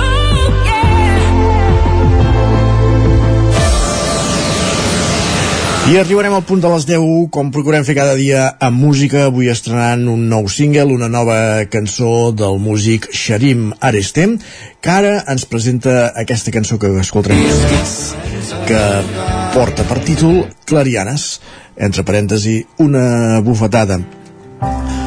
L'artista està passant una temporada duríssima en l'àmbit familiar i Clariana és una bufetada, parla just d'això. En realitat, tots carreguem dols acumulats, ningú pot escapar-se de les bufetades de la vida, però les Clarianes, quan s'obren, ho fan per tothom. Això és el que ens explica Xarim Aresté en aquesta cançó. Clariana és una bufetada, nou senzill d'aquest 2023 que ens porta al territori 17 fins a les 10. Trons et devorin l'enteniment amb l'odol, el terror i el pes de totes les guerres. Que en nom de l'amor una a una t'has deixat guanyar. Com una bufetada a la cara com un tret al cor. Com despertar-se d'un malson tot canvia sempre en un segon passejant pel jardí florejat de les gestes passades o escarbant a la pell passadissos de conclusions. Renunciem per complet al poder de moure muntanyes i ens lliurem al món d'esquena les potestats. Com una bufetada a la cara com un tret al cor. Com despertar-se d'un malson tot canvia sempre en un segon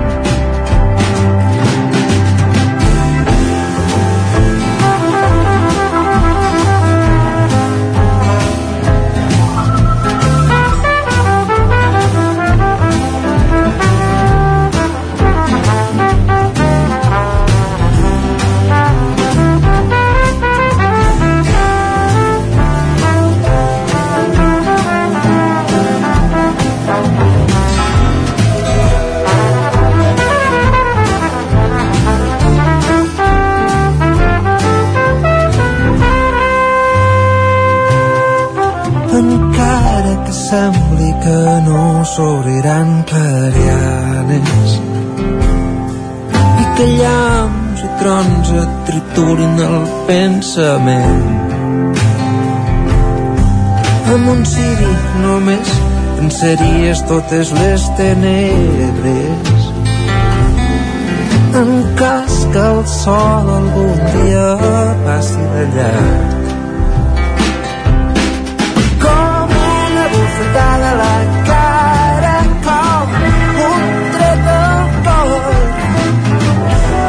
despertar-se d'un malson tot canvia sempre en un segon. Com una bufetada a la cara com un tret al cor. Com despertar-se d'un malson tot canvia, sempre canvia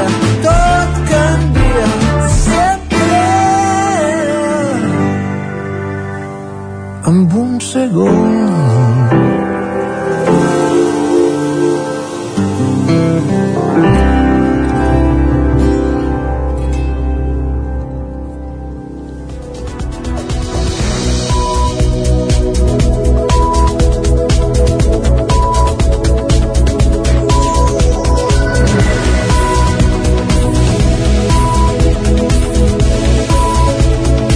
És moment al territori 17 de posar-nos al dia d'actualitzar-nos amb les notícies més destacades de les nostres comarques, el Vallès Oriental, l'Osona, el Ripollès i el Moianès, i ho fem en connexió amb les diferents emissores que dia a dia fan possible aquest programa, una cotinenca, Ràdio Cardedeu, la veu de Sant Joan, Ràdio Vic, el 9 FM, i ens podeu veure també cada dia a través de Twitch, el 9 TV, YouTube i la xarxa més.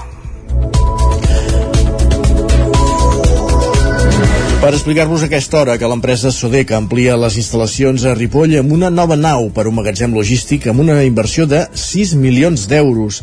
Isaac Muntades, des de la veu de Sant Joan. Les instal·lacions de Sodeca a Ripoll, l'empresa de ventilació a cavall entre el Ripollès i Osona que té la seva seu central ubicada al polígon industrial de la Barricona, creixeran en el pròxim any. Divendres passat, el director general del grup Sodeca, Josep Font, va presentar la segona fase de les obres de construcció d'un nou magatzem logístic d'última generació amb una inversió prevista de 6 milions d'euros. Els treballs començaran just després de l'estiu i tindran un termini d'execució de 9 mesos. Per tant, estarà a punt a finals del primer trimestre del 2024. La zona on es construirà és anexa a l'actual edifici de Sodeca, en direcció a Sant Joan de les Abadeses, i ara s'utilitza com un aparcament intern. La construcció del nou magatzem permetrà usar l'actual com una altra planta productiva, duplicant la capacitat de producció de l'empresa a Ripoll. Això permetrà incrementar la plantilla, que serà d'entre 25 i 30 llocs de treball a curt termini i que més endavant podria enfilar-se fins als 40 o 45 treballadors més. La nova nau, ubicada en una superfície construïda de 5.000 metres quadrats i una alçada de 15 metres, tindrà capacitat per guardar-hi 10.000 palets. Actualment la superfície construïda té 10.000 metres quadrats. D'aquesta superfície la planta d'assemblatge de components és d'uns 3.200 metres quadrats i després de les obres en disposaran de 3.800 metres quadrats més, que abans es dedicaven al magatzem. La intenció de Sodeca era iniciar els treballs fa un any, però la guerra a Ucraïna els va fer replantejar l'expansió, que ja estava prevista des que es van instal·lar a Ripoll l'any 2018. Per això servirà la nova nau. Podem escoltar Josep Font. A la vegada unifiquem tots els magatzems que tenim avui externalitzats i amb altres plantes que nosaltres tenim, Sant Quirze, Torelló, etc, reduint d'aquesta manera doncs, molts eh, camions amunt i avall pel centre de Ripoll i sobretot doncs, que per nosaltres és important i cada vegada ho serà més reduint la petjada de carboni de l'empresa doncs, per anar tenint doncs, un, un producte i una empresa molt més sostenible també. La sostenibilitat i l'eficiència energètica també serà un dels puntals de la nova nau. L'edifici actual ja està catalogat amb la màxima qualificació energètica i ara duplicaran el nombre de plaques fotovoltaiques que hi tenen col·locades, passant d'unes 250 a 500 i ocupant una superfície de 1.300 metres quadrats. Unes plaques solars que produiran 300.000 kWh en un any. Gràcies a aquesta energia tindran el 100% dels recursos que necessiten d'energia renovable durant moltes hores productives de l'empresa. Gràcies, Isaac. Obrint plana electoral, ens fixem avui a Sant Quirze de Besora, on aquesta vegada, en aquestes eleccions del 28 de maig, hi haurà encara un cara a cara entre l'actual alcalde de la CUP, David Solà, i Maria Teresa Espadaler, de Junts per Catalunya en aquesta vegada la candidatura de la CUP integra també eh, antigues persones que havien format part de la candidatura d'Esquerra Republicana que enguany no concorre a les eleccions. Sergi Vives. Tots dos, de fet, han estat alcaldes, un aquest mandat i l'altre a finals del passat. Després d'un parèntesi, el bipartidisme torna a Sant Quirze de Besora en aquestes eleccions municipals, però amb canvi de partits, ja que Esquerra, que ja va renunciar a tenir l'alcaldia a mig mandat, no es presenta. Així, David Solac, de Som Poble CUP, que va accedir a l'alcaldia fruit d'un pacte amb els republicans, opta a la reelecció integrant precisament gent d'Esquerra a la llista. Maria Teresa Espadaler, candidata de Junts i que va guanyar fa 4 anys, espera aquest cop poder governar. El pacte ha anat molt bé. Nosaltres estem molt contents perquè realment hem treballat per Sant Quirze, en cap moment hi ha hagut idees partidistes, hi ha molt bona entesa, hem estat aquí i hem treballat molt bé. La decisió que han pres ara de no presentar-se per nosaltres és una mala notícia, però sí que tenim ganes de trencar el bipartidisme, creiem que tres llistes democratitza moltíssim més. Després de del, del que va passar fa 4 anys eh, doncs, bueno, va, va haver-hi el temps doncs, que també ho vam haver de, ho vam haver de país sobretot personalment, no? una mica tot el disgust. Jo també doncs, en tenia ganes evidentment perquè si no no ho hagués fet. I llavors dius, bueno, és clar et queda, et queda el, el, la mica de cosa de que, que vas a guanyar i dius, ostres, doncs, bueno, doncs et dona, et dona ànims per tornar-te a presentar un dels projectes que haurà de treballar el proper govern serà la municipalització de les hidroelèctriques, un àmbit en el qual el poble és pioner. Després de l'augment de l'incivisme, la seguretat és una de les qüestions que també preocupa les dues formacions que plantegen incorporar un segon vigilant. Estem sent pioners i volem acabar amb èxit aquesta batalla que estem, estem fent a dia d'avui. La idea és que nosaltres demanem reversió municipal cap al municipi.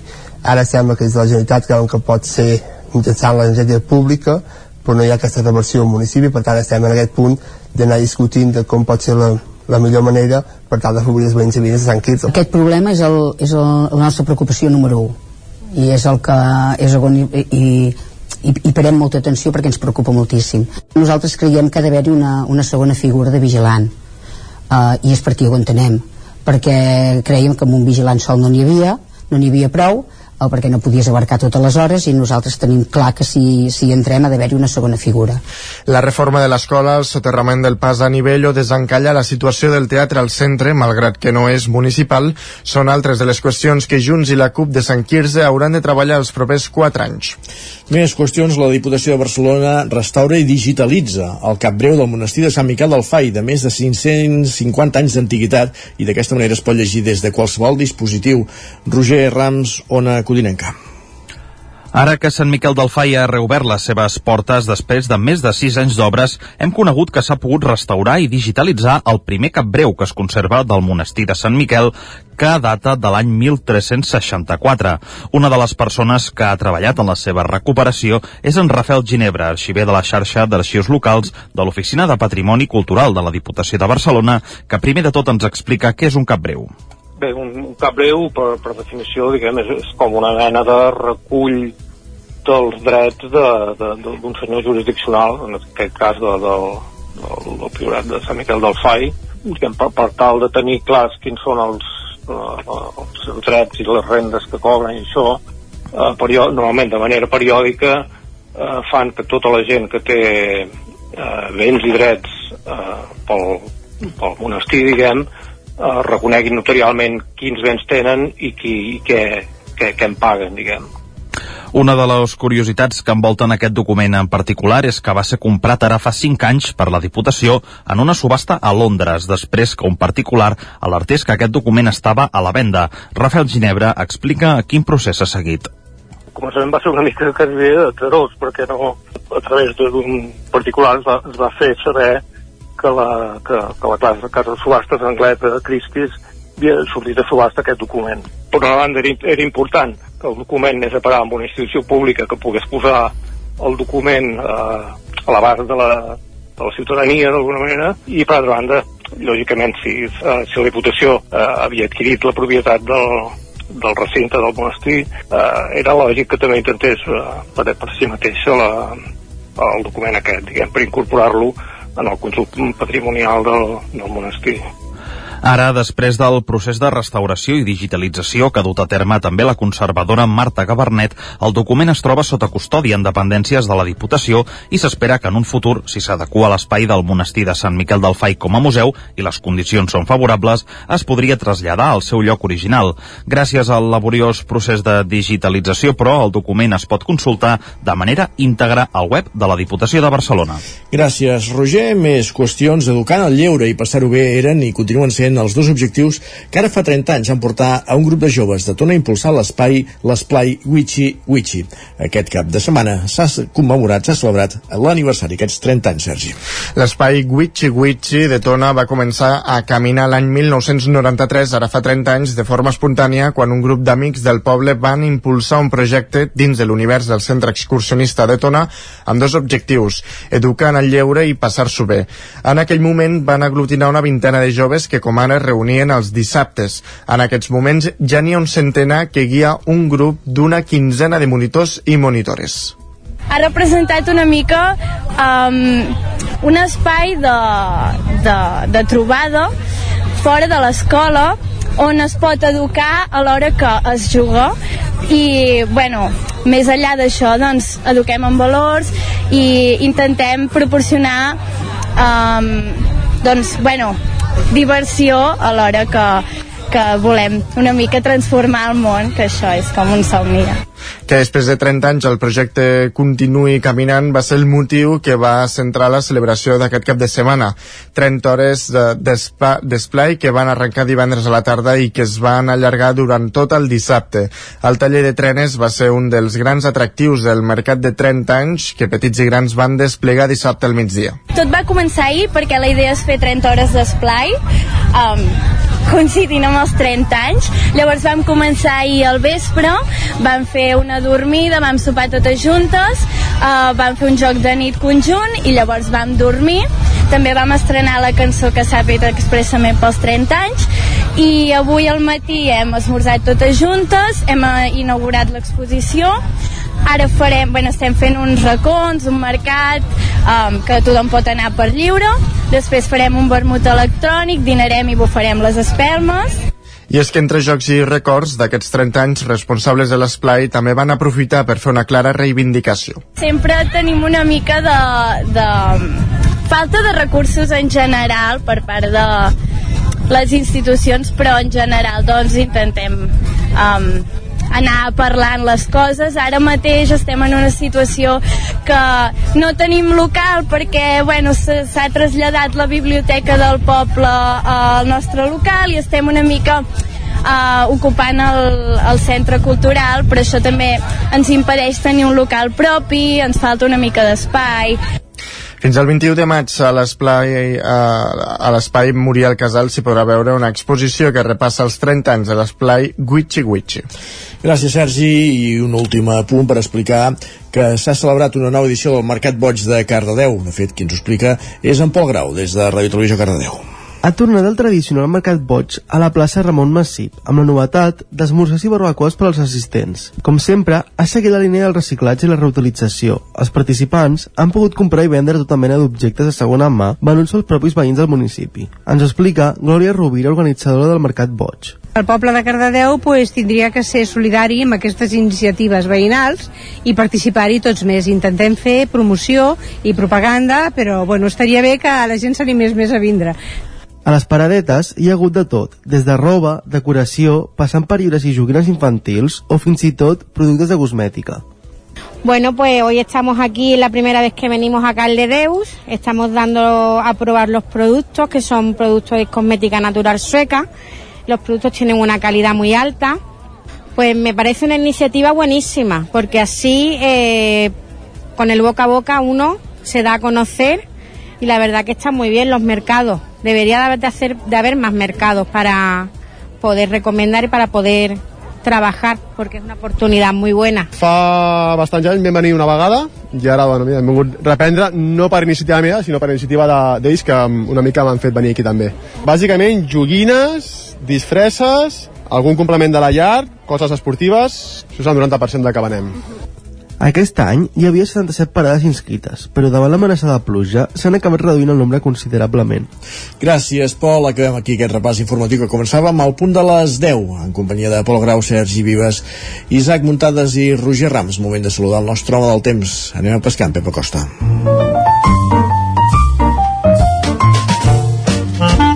Casa Terradellos us ofereix el temps. Pep, quin temps farà avui? Bon dia. Hola. Què tal? Per tant, avui eh, després d'aquestes temperatures eh, mínimes eh, bastant normals per l'època de l'any, tindrem un dia força assolellat, molt assolellat, només algun tel de núvols prims, molt poc importants, i que no seran cap conseqüència. De cara a la tarda, algun creixement de nuvolades, a les zones de muntanya, Montseny, Transversal, Pirineu, que serà una nuvolada i també sense cap conseqüència, només unes nuvolades per fer una mica bonic i poca cosa més, eh? no, no hi ha les condicions idònies perquè aquestes eh, nuvolades puguin créixer més i puguin acabar amb, amb, amb precipitació. No, no hi haurà cap precipitació, no hi haurà cap pluja el dia d'avui. Les temperatures màximes es donaran cap a les 3-4 de la tarda i voltaran eh, els 25-26 graus. Les temperatures molt semblants als d'ahir, eh, les màximes de la majoria, això, eh, entre els, els 23 i els 26-27 graus. Unes temperatures també o normals per de l'any, però una mica més altes del que haurien de ser, però vaja, eh, unes temperatures força, força normals per l'època de l'any. Vents febles, de direcció variable, no tenim cap temporal de vent en lloc, eh, uns vents molt, molt febles, i això, eh, molt de sol, només alguna nubada a la tarda molt i molt inofensiva. I això és tot, a disfrutar aquest dimecres, aquest eh, maig que va passant, eh, aquesta setmana que va passant, i a veure si de cara al cap de setmana es preveu una situació diferent amb aquesta perturbació de l'oest del península que ens pot afectar i pot produir algun canvi una mica més important. Moltes gràcies, fins demà, adeu. Doncs esperem que vagi venint aquesta pertorbació. Gràcies, Pep, fins demà. Casa Tarradellas us ha ofert aquest espai. I al Territori 17 el que fem ara és endinsar-nos una setmana més al Territori Sostenible. Mig minut que passa d'un quart d'onze del matí, tot seguit tornem cap a una codinenca, allà hi saludarem un dimecres més en Jordi Givert, descobrint, explorant iniciatives, coses que passen a casa nostra, i avui ens fixem amb un buscador de ceps, no de bolets, de ceps, de vinya, eh, ancestrals, vells, eh, que possiblement donaven per desapareguts i que ens sorprenen amb noves varietats de raïm i que tenim amagats doncs, en racons d'Osona, del Coll Cabra, del Moianès. Va, tot això ens ho explica en Jordi Givert des d'Ona Codinenca. Benvingut una setmana més. Avui al Territori Sostenible volem parlar sobre una troballa de varietats eh, de vinya autòctona i d'origen medieval a la plana de Vic. Concretament volem parlar amb l'Eugeni Ordeig, el responsable d'aquesta troballa, que és el nostre convidat d'avui. Bon dia, Eugeni. Hola, bon, bon dia. Eugeni, uh, per començar volíem saber com surt aquesta, aquesta idea, aquest projecte de, de prospectar la comarca d'Osona per uh, trobar varietats uh, locals autòctones de, de, de vinya. Uh, com, com et surt aquesta inquietud? Bé, va ser una mica arrel de, de, de dintre la mostra Mountain Wines, que soc, que estic, uh -huh. soc membre de la Junta. Llavors una conversa amb el gastrònom Pep Palau eh, va, va sortir la conversa de, de conversa de com és que tenim tants topònims a, a, la, a la comarca i mai, ens hem, mai hem vist el, el, una vinya, no? I això, aquesta conversa em va, em va fer, doncs, diguéssim, eh, tenir curiositat i una mica va ser l'iniciador d'això, de, de començar a, diguéssim, a localitzar eh, ceps silvestres, uh -huh. de tal manera que m'ho vaig començar agafant com un hobby, com un, com un passatemps, i la que me'n vaig donar compte ja, ja en tenia cap una cinquantena. Uh -huh. 50 ceps uh, silvestres uh, per curiositat uh, clar, en, en, comentaves que Osona vosaltres no recordeu presència de vinya a quines zones de la comarca es troben uh, has localitzat aquests ceps entenc que no estaran a, en llocs de fàcil accés no, no, a veure, no només a la comarca d'Osona, sinó també, també a la comarca del Ripollès, uh -huh. També al Moianès, també l'he bueno, he, he trobat el, el, el Moianès, el Lluçanès uh -huh. i el Cabrerès, vull dir que una, bueno, tot el que és... Més enllà d'Osona i, i Plana de Vic. I els entorns, uh -huh. sí, sí, sí, sí. I en total n'he trobat cap a 70, eh? Uh -huh. 70. Llavors, d'aquests 70 s'han fet proves d'ADN, juntament a aquest, aquest projecte l'he estat fent amb Incavi, i eh, ells s'han encarregat de la part, diguéssim, de laboratori i de la part, diguéssim, de viver, també. Uh -huh. Llavors, d'aquests eh, 70, doncs en van sortir unes 22 varietats diferents, és a dir, un tant per cent molt alt d'una varietat de, una quantitat de varietat de varietats eh, extraordinària i, uh -huh. i també arrel d'aquestes varietats doncs em van sortir una, unes quinzenes 15, 15 varietats desconegudes i una gran part inèdites. Inèdites vol dir que no consta en cap zona de Catalunya que, que tinguessin a, aquest, que, que hi hagués aquestes varietats. Uh -huh.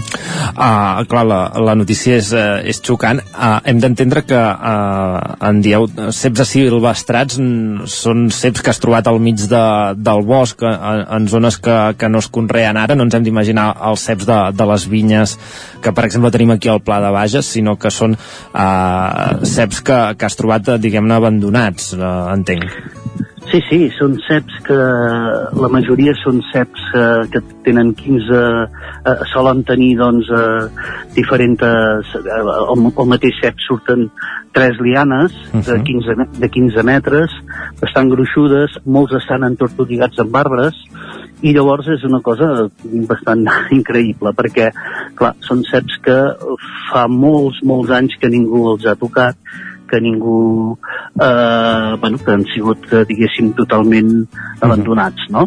Això fa que, a més a més, eh, els estudis que hem estat fent ens donem compte que poden ser, mm, hi ha indicis de que poden ser ceps de, eh, d'entre el segle VIII i el segle XIV, que són ceps d'un valor patrimonial molt interessant perquè van, eh, diguéssim, eh, van, subsistir èpoques molt fortes de, de, de, de, de climatació dures, com sequeres, com, com eh, grans, eh, diguéssim, glaçades, i per això té aquest valor, aquests, aquests ceps, perquè una mica eh, ens poden ajudar de cara a futurs, eh, diguéssim, a, a poder-los posar a la vinya per, per, de cara a aquesta, aquesta emergència climàtica que ens estem trobant. Uh -huh. O sigui, uh, estem parlant de, de ceps que som, serien varietats que, que ens uh, arriben de, del segle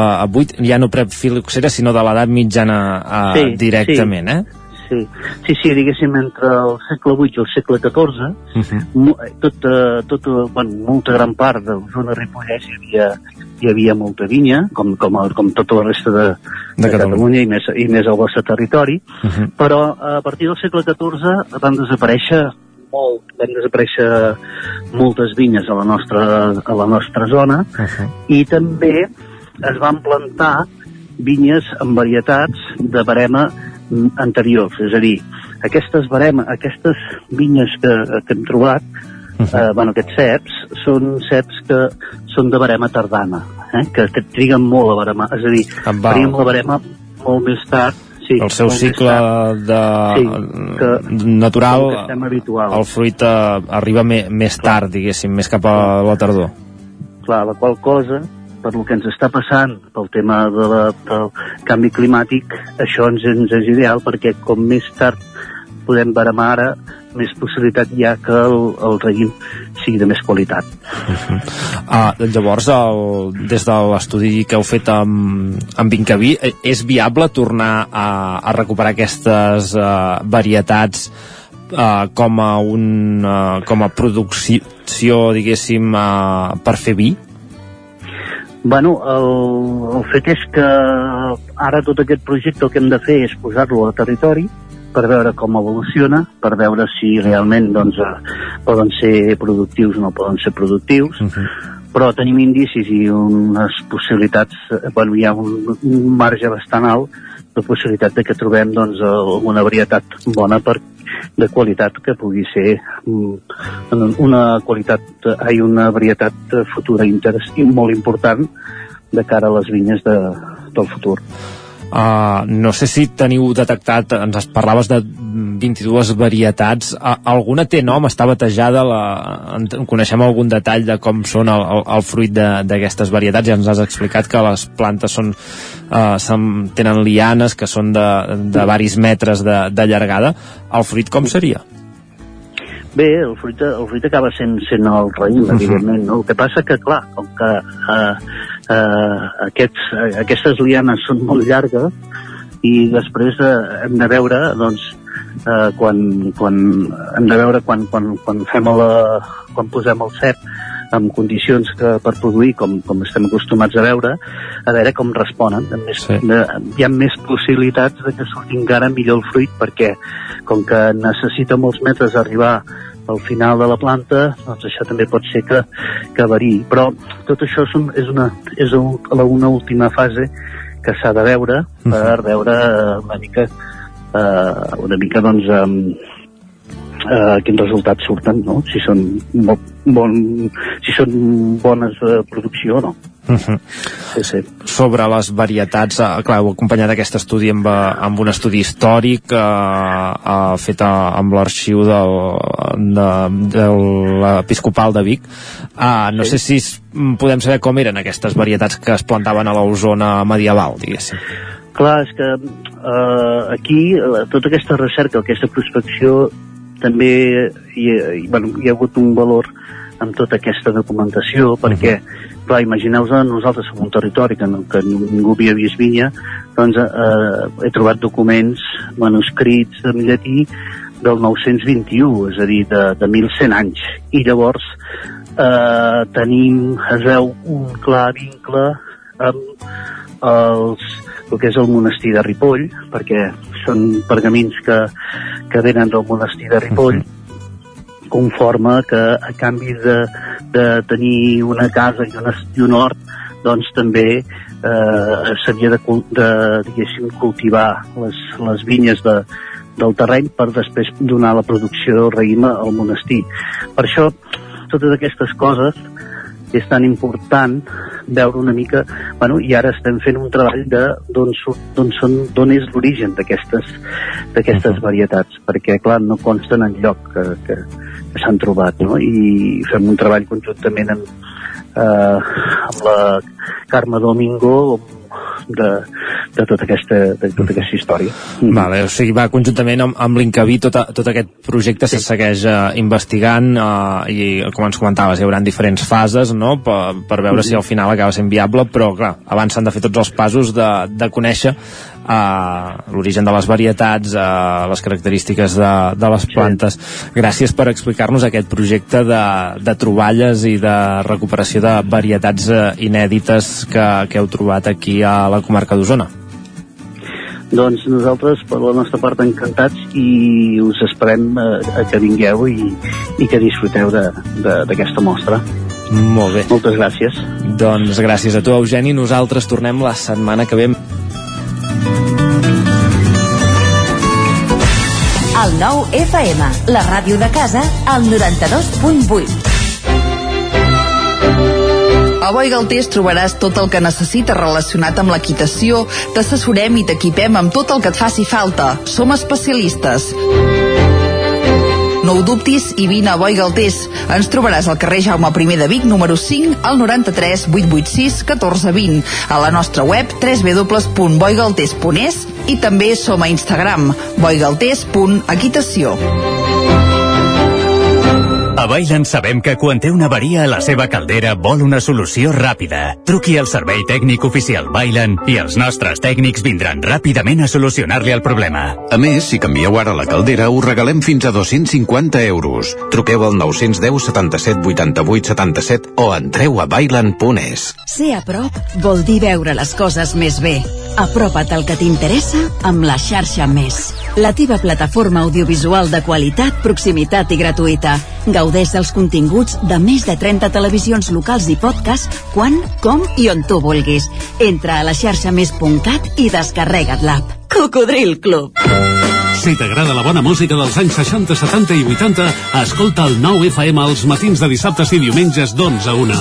És el temps del Cocodril Club, tot un clàssic de la ràdio, amb les bases del pop-rock, les llegendes, les cançons que s'han convertit en autèntics himnes. Recorda, dissabtes i diumenges al matí, d'11 a 1, al 9 FM 92.8. Cocodril Club, el programa revival de l'Albert Malla. Hasta luego, cocodrilo. Bon dia, són les 9 al Territori 17. La Miquel Parella. Cada matí i durant dues hores t'acompanyem i et posem al dia de l'actualitat de casa nostra. Potenciant així l'autonomia En aquest cas me la peça el taler si no... Cursos per feminitzar el pensament masculí. Territori 17, el magazín matinal d'Osona, el Moianès, el Ripollès i el Vallès Oriental. Que la meva àvia de 93 anys... El 9 FM, el 9 TV al 99.cat i també als nostres canals de Twitch i YouTube. Demà per fer-se un tatuatge. Cada matí, Territori 17. Ole. Anuncia't al 9FM. La màquina de casa. 9 3 8 8 9 4 9 4 9. Publicitat arroba al 9FM.cat. Anuncia't al 9FM. La publicitat més eficaç. Ser a prop vol dir veure les coses més bé. Apropa't al que t'interessa amb la xarxa Més. La teva plataforma audiovisual de qualitat, proximitat i gratuïta. Gaudeix dels continguts de més de 30 televisions locals i podcast quan, com i on tu vulguis. Entra a la xarxa més.cat i descarrega't l'app. El 9FM, la ràdio de casa, al 92.8.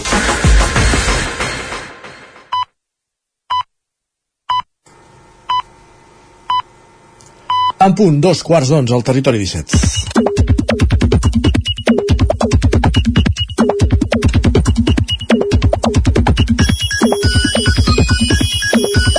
I a dos quarts d'onze cada matí al territori 17 el que fem és saludar en Guillem Sánchez. Benvingut, Guillem. Benvingut, Isaac. Què Bé, tal? bé, i tu? Bé, bé, de moment bé. I que avui ens serveix les pilades més destacades que ha trobat a Twitter. Va, crec que estem davant d'un dels rècords de precocitat Ai, més ai, ai. destacats Alerta. a la història de Twitter. Llegim aquest missatge que ens diuen Avui ja m'han preguntat quins dies tancarem per vacances a l'agost. De veritat. Ah, pensava que havíem anat per Nadal, l'agost ja. Ostres, primera setmana de maig, eh? La gent ja té el cap eh, pensant en, en vacances, en Que no, tens el, estiu. que no tens els bitllets d'avió tancats ja, tu. No, jo encara no. Bastat, tinc, bastat. tinc una cosa tancada per la primera setmana de juliol, però, però no cal agafar avions. No cal agafar avions. En Jan també hi afegeix i diu al meu cap estic de vacances però realment no i no puc més. Doncs mira, encara queda una miqueta eh? encara queda una miqueta. La gent per això ja va fent plans i Twitter el recull així. Per exemple ens diuen quan siguin vacances seré tan feliç que em passaré el dia llegint i dormint estirada i prenent el sol. O no. I que maco i que idíl·lic Exacte. jo li recomano també una mica d'aigua, o piscina, o platja, o un aire condicionat perquè mm, pinta, pinta calorassa. Va, la Marta ens apunta, diu, ara que s'acosta el temps de roba d'estiu, recordatori amistós que hi ha gent que tenim la pell blanquinosa i que per moltes hores que ens posem al sol, la nostra pell seguirà sent blanca com un full de paper, diu, no cal que ens ho feu saber. Tengui. I de fet en aquest missatge li respon la Dolors i li diu a mi m'agrada que m'ho recordin, així puc començar una dissertació sobre el model de bellesa vuitcentista i com la dama de les camèlies em va canviar l'adolescència. Doncs mira. No sé si, si, si és el teu cas també, Isaac. No, no? em preocupa bastant poc, francament. Això sí, posar-vos crema, eh? Crema, ulleres Sempre, de sol, sempre. a gorra i el que va, faci màxima, falta. Sí. Va, i la Diana ens confessa ja us aviso que el proper destí de moda per anar a vacances serà Sri Lanka. Sri Lanka? No sé per què li ha agafat aquest, aquesta fixació o, o Si veiem una mica Islàndia i podem anar-hi els mortals, doncs mira. Doncs mira. que ens convidin, que ens convidin. Va, a mi per això segur que no m'hi veureu pas per allà aquest estiu i abans de seguir una Segur, reflexió... eh? No, no, segur, segur. No vas a Sri Lanka aquest estiu, eh? Haurien de canviar molt les coses perquè a mi em veiessin posar els peus a Sri Lanka aquest pròxim estiu. D'acord. Però mai es pot descartar res. Com, Mai diguis mai. com bé dius. Va, i abans de seguir una reflexió d'en Jordi que potser pocs coneixíeu, jo de fet no la coneixia, diu, en, un, en un altre ordre de coses, quants anys teníeu quan us vau assabentar que aquesta peça de plàstic, la típica peça allargada que es posa amb els clauers i que molta gent té, diu, també serveix per desbloquejar els carros del súper? Diu, jo en tinc 41. Carai. Clar, és que jo quan era petit no hi havia carros al súper que necessitessin desbloquejar-se. No, però sempre era amb la moneda de 50 cèntims o Quan jo era petit que- no hi havia monedes per desbloquejar Vale, els carros va. al súper. Vale, vale, vale, vale. Això ha vingut més tard. Vale, vale. El que tampoc entenguis quina és la peça de plàstic dels clauers, però vaja, en fi, és És aquesta que té un... fu- O sigui, és allargada, rectangular, amb un forat en una de les... Ah, d'acord, aquell... Sí, que té allò- com un plàstic per llavors poder aquell- posar el nom també aquell de... clauer bàsic, sí, correcte, correcte. Doncs es veu que això serveix per desbloquejar Desbloquejar també els- els carros del Doncs ja ho sabrem. Imagina't. Va, i si busqueu pis no ho feu prop d'on viu la Noemí, que ens comparteix el següent per Twitter. Diu, al meu poble demanen 500.000 euros per un pis de...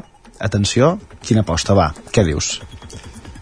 3 metres quadrats. 50 metres quadrats. 70 metres. Diu, estem locos, d'acord que té una terrassa gran i zona comunitària, però flipo. 500.000 euros. I on és aquest poble? No ens ho diu tampoc. No comença per B baixa i acaba per C, no, eh? Esperem que no, esperem que no. Va, parlant de preus i coses a pagar, atenció al que ens diu en Pau. Diu, he descobert que segons com vagi vestit, la caixera del supermercat decideix si puc fer un donatiu o prem ella mateixa el botó vermell alliberant-me d'aquest mal tràngol al supermercat. Ah, mira. Aquests arrodoniments que a vegades Sí, sí. Ja te'l marca ella, d'acord? Curiós, curiós. I parlant de roba i aspecte físic, molt top la confessió de l'Ada que ens diu Sempre m'admira la capacitat que tinc alguns dies de vestir tan elegant com avui i en d'altres semblar un nen després de 20 dies de colònies anant a dormir al ras. Carai. Doncs mira, coses que passen. Va, i em sembla, Isaac, que avui és dia de, de tornar a fer números. Quins números vols Recordes, no? Recordes el que vam dir fa una setmana o dues? Què vam dir? Ara sí, ja no és cap somni humit, és tota una realitat. Si el Barça guanya l'Espanyol el proper diumenge Ah, sí? 14 de maig, es proclamarà campió de Lliga a Cornellà del Prat. Culers, aneu posant el cava al congelador perquè aquesta Lliga s'ha de celebrar com mai. Que va perdre el Madrid ahir. Va perdre 2-0. En sèrio? En sèrio Ai, no ho sí. sabia. Ves. doncs imagina't. Jo vaig arribar a casa i m'ho van comentar també i dic, mira, doncs ja estem a dos punts només de... Muntades, on de ets? ser, de ser campions. Va, només una pilolada més parlant de futbol, l'última d'avui, la següent, ens escriuen... Home, estaria molt bé, eh? guanyar la Lliga. Massa. A, a, a, a Sarrià. massa, massa. Ens escriuen guanyar oficiosament una lliga i anunciar al cap d'uns minuts que el director de futbol marxarà. Diu, benvinguts al Barça. Sí, això també és una altra. És curiós, és molt curiós. Només passa aquí en Barça, sí. Va, Isaac. Gràcies, Guillem. Que vagi molt bé. Adéu. I avancem al territori 17. Territori 17, el 9 FM, la veu de Sant Joan, Ona Codinenca, Ràdio Cardedeu, Territori 17. On ja ens espera Jordi Soler per parlar d'alegria interior.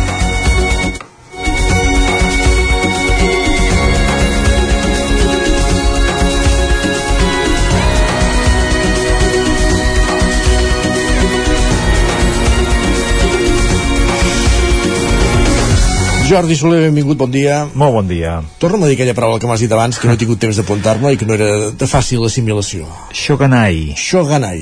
Shoganai. No es El pot evitar. El significat m'ha agradat molt. No, es pot evitar. No es pot evitar. La vida és així, l'hem d'acceptar tal com ens arriba. Eh? Que, jo crec que aquestes paraules japoneses que anem introduint cada, cada mes, em sembla que en dediquem una, una al mes, ens ajuden perquè amb una paraula recollim un significat molt ampli i que ens és fàcil de recuperar en un moment que la puguem necessitar. És com allò, la teva petita caixa d'eines, que agafes una eina que aquella eina et dona moltes... És versàtil, sí. Sí, mo mo moltes funcions, no? Doncs, clar, de primeres a primeres, diu, la vida és així, l'hem d'acceptar tal com ens arriba, no sé, què et transmeten, tu? Una situació davant d'una desgràcia, eh? Vull dir, ens passa quelcom que no desitgem i la postura és, bueno, les coses són com són.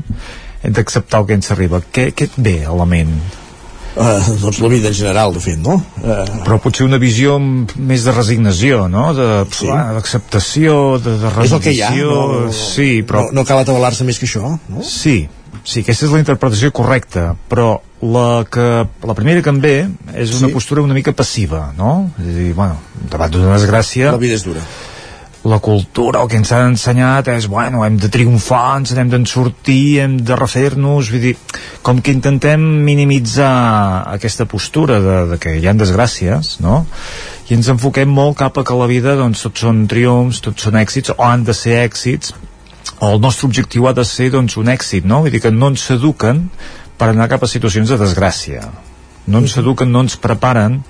De fet, a la piràmide de Maslow, dir que si mirem una mica els nivells, eh, les, nos les nostres necessitats, eh? vull dir que el primer que intentem satisfer és la part fisiològica, eh? la part de- d'alimentació, descans, passem cap a la part de seguretat, la seguretat física, trobar una feina, no? Vull dir, que, de, tenir salut, si pugem més en amunt anem a buscar l'afecte, l'amistat, eh, aquestes relacions socials per acabar anant, o no acabar però sí, continuar passant per el reconeixement per tant, l'autoreconeixement, la confiança, el respecte i l'èxit. Vull dir que les nostres necessitats, si anem escalant, escalant, escalant, no al nivell més alt, però sí que un dels nivells més alts, que és el de reconeixement, estem enfocats per anar a buscar cap a l'èxit i el que veiem per als mitjans tot ens enfoca el que llegim o que, el que ens envolta ens posen aquests títols, aquestes persones que han triomfat uh, i sempre ens ensenyen la part maca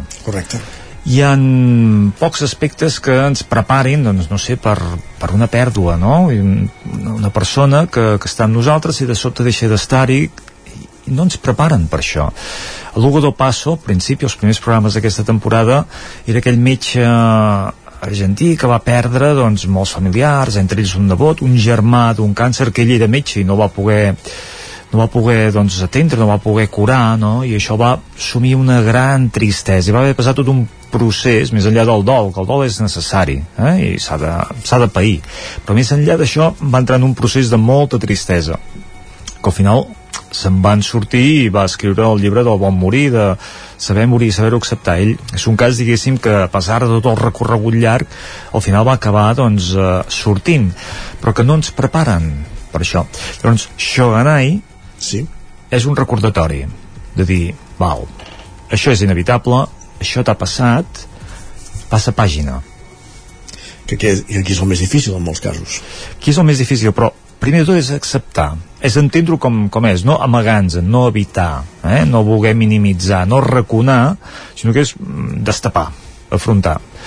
Normalitzar aquesta situació que el que ens ajuda és fugir d'aquesta resignació, fugir d'aquesta uh, rendició i anar a buscar dir, bueno, aquesta situació què ens ensenya? Què ens diu? Per què ens prepara? Què ens aporta? Què haig de fer jo per seguir endavant? Eh? Vull dir que la postura d'una persona que practica el shoganai és, és aquesta. Eh? De fet, hi ha una altra paraula japonesa que, que està una mica vinculada, que és el gaman. Gaman, una mica és eh, bueno, s'atribueix a les persones que suporten quan estan suportant lo aparentment insuportable eh, amb paciència i dignitat.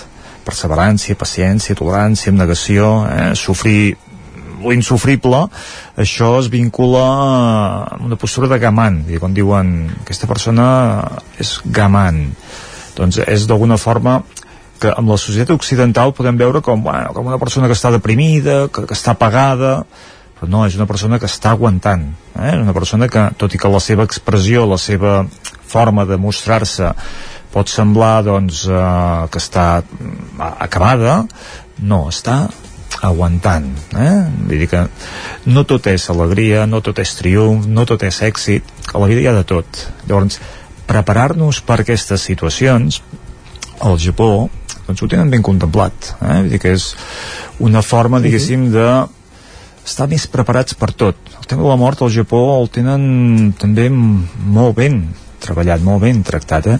suposo que hi ha de tot vull dir que com tot arreu, està clar, sí, sí. com, com a tot arreu, però que la, la part...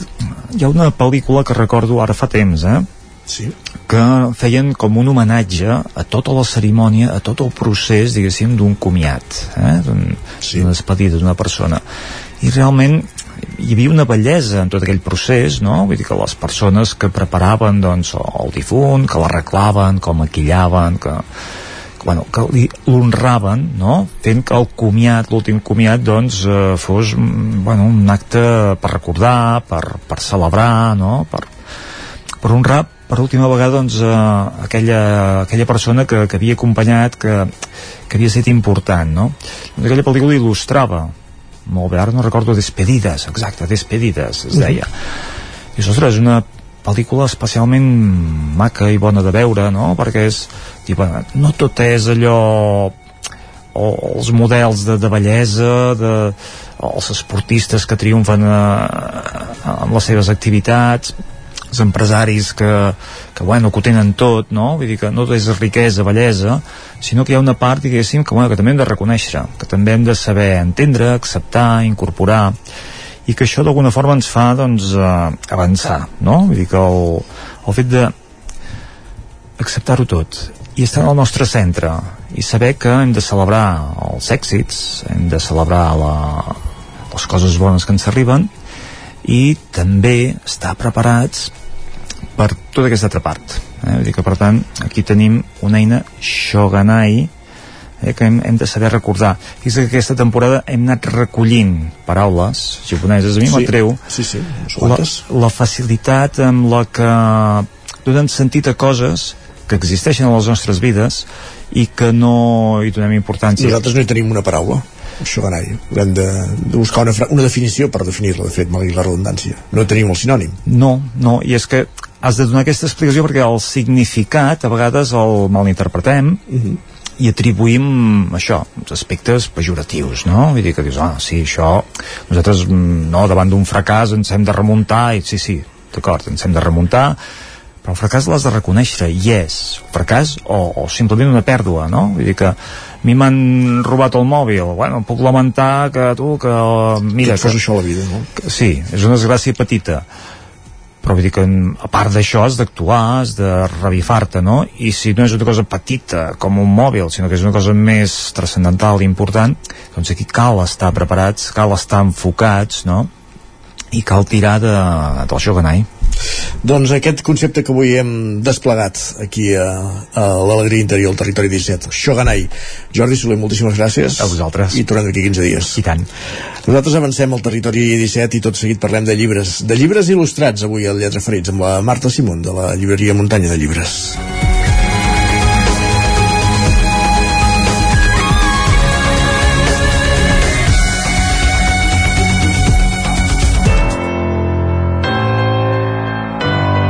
Territori, Territori 17. 17. Territori 17.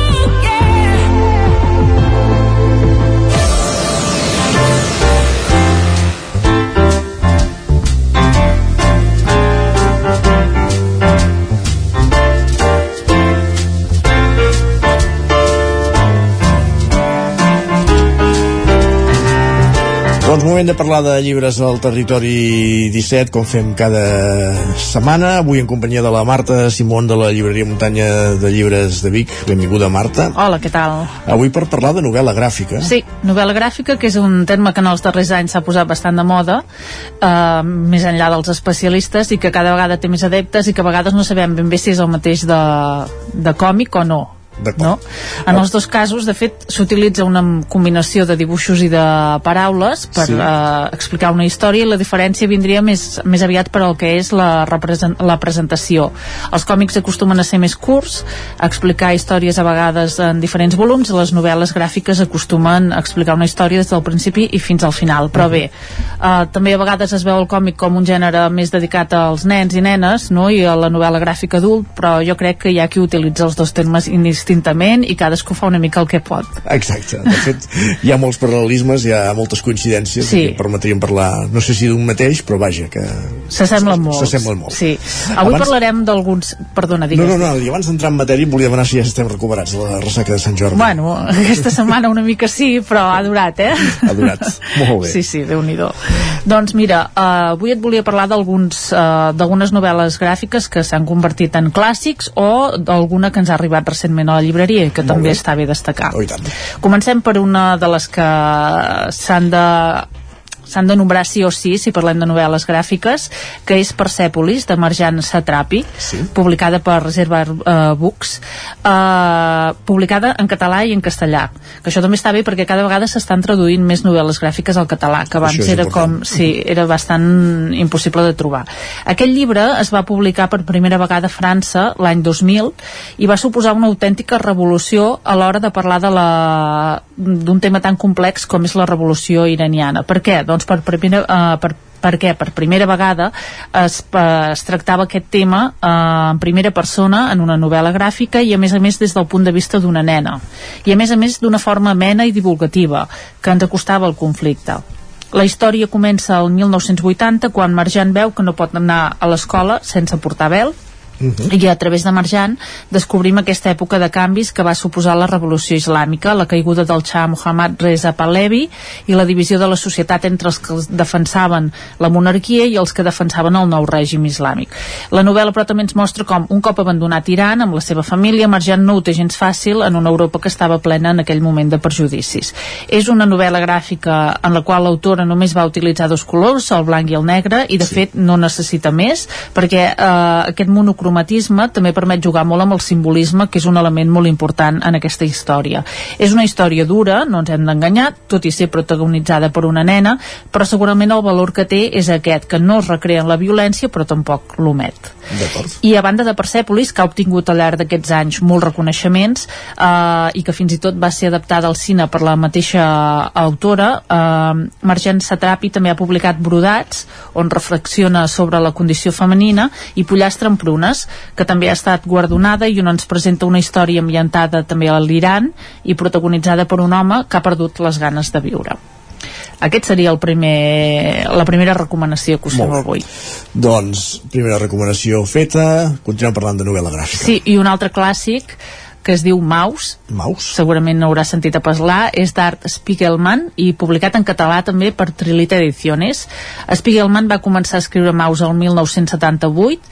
Primer va aparèixer per fascicles entre el 1980 i el 1991 a la revista Rau, que dirigia el mateix il·lustrador, uh -huh. i després es va unificar tot en un únic volum. El 92 va convertir-se en la primera novel·la gràfica en guanyar un premi Pulitzer i després, des de llavors, s'ha convertit en un imprescindible. Uh, és la història de l'autor i de com el seu pare li va explicar el seu passat.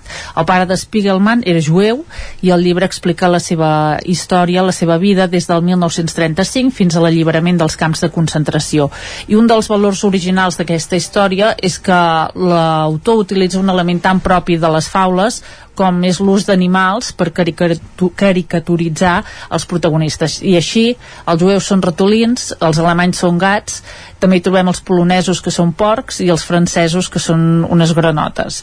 I tot i utilitzar els animals com a metàfores, aquesta història està explicada d'una forma molt realista. Per tant, no ens hem de deixar portar tampoc per aquesta per aquest tema, eh? és una història molt, molt interessant. Molt bé. I de dos clàssics passem a una autora que està destacant molt últimament i a la qual em sembla que ja havíem fet referència en alguna secció anterior, sí, que és Keum Suk Gendry Kim, Carai. que acaba de publicar, o va publicar ja fa un temps, Hierba, eh, es pot trobar en castellà, en aquest cas per Reservoir Books, publicat també. Hierba es va publicar el 2017 i des de llavors ja ha rebut, ha rebut també nombrosos reconeixements i el comparen, de fet, amb Persepolis i Maus. Uh, Keum Suk Gendry Kim va néixer a Corea del Sud es va llicenciar en Belles Arts a Seul i se'n va anar a viure a França on va començar a publicar les seves primeres novel·les gràfiques. Hierba és la seva primera obra originalment en coreà i la que de fet l'ha projectat a nivell internacional. És la història real d'una supervivent, Lee Ok-sun, amb qui l'autor es va entrevistar diverses vegades en una residència, és una senyora ja gran. Lee Ok-sun va ser explotada durant la Guerra del Pacífic com a dona de Conort.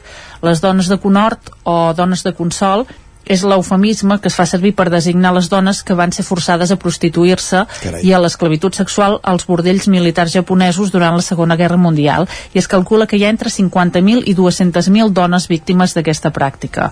I la història explica la infantesa d'aquesta dona en un ambient molt humil, com va, va passar després de ser venuda diverses vegades en famílies adoptives fins que va arribar a l'ocupació japonesa i el 1942 va ser traslladada a la força a una base aèria a Xina.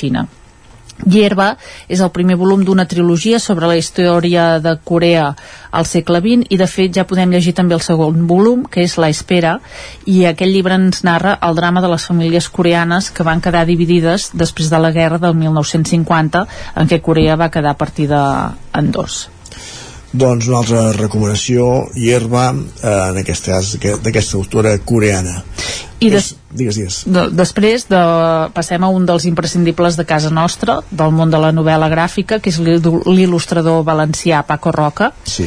que és autor de diverses obres multipremiades, i avui en volem destacar Los Zurcos de l'Azar, publicat per l'editorial basca Estiberri. Uh -huh. A través dels records de Miguel Ruiz, un republicà espanyol exiliat a França, Paco Roca reconstrueix en aquest llibre la història de la novena, que era una companyia integrada sobretot per republicans espanyols que durant la Segona Guerra Mundial va quedar integrada a la segona divisió blindada del general Leclerc.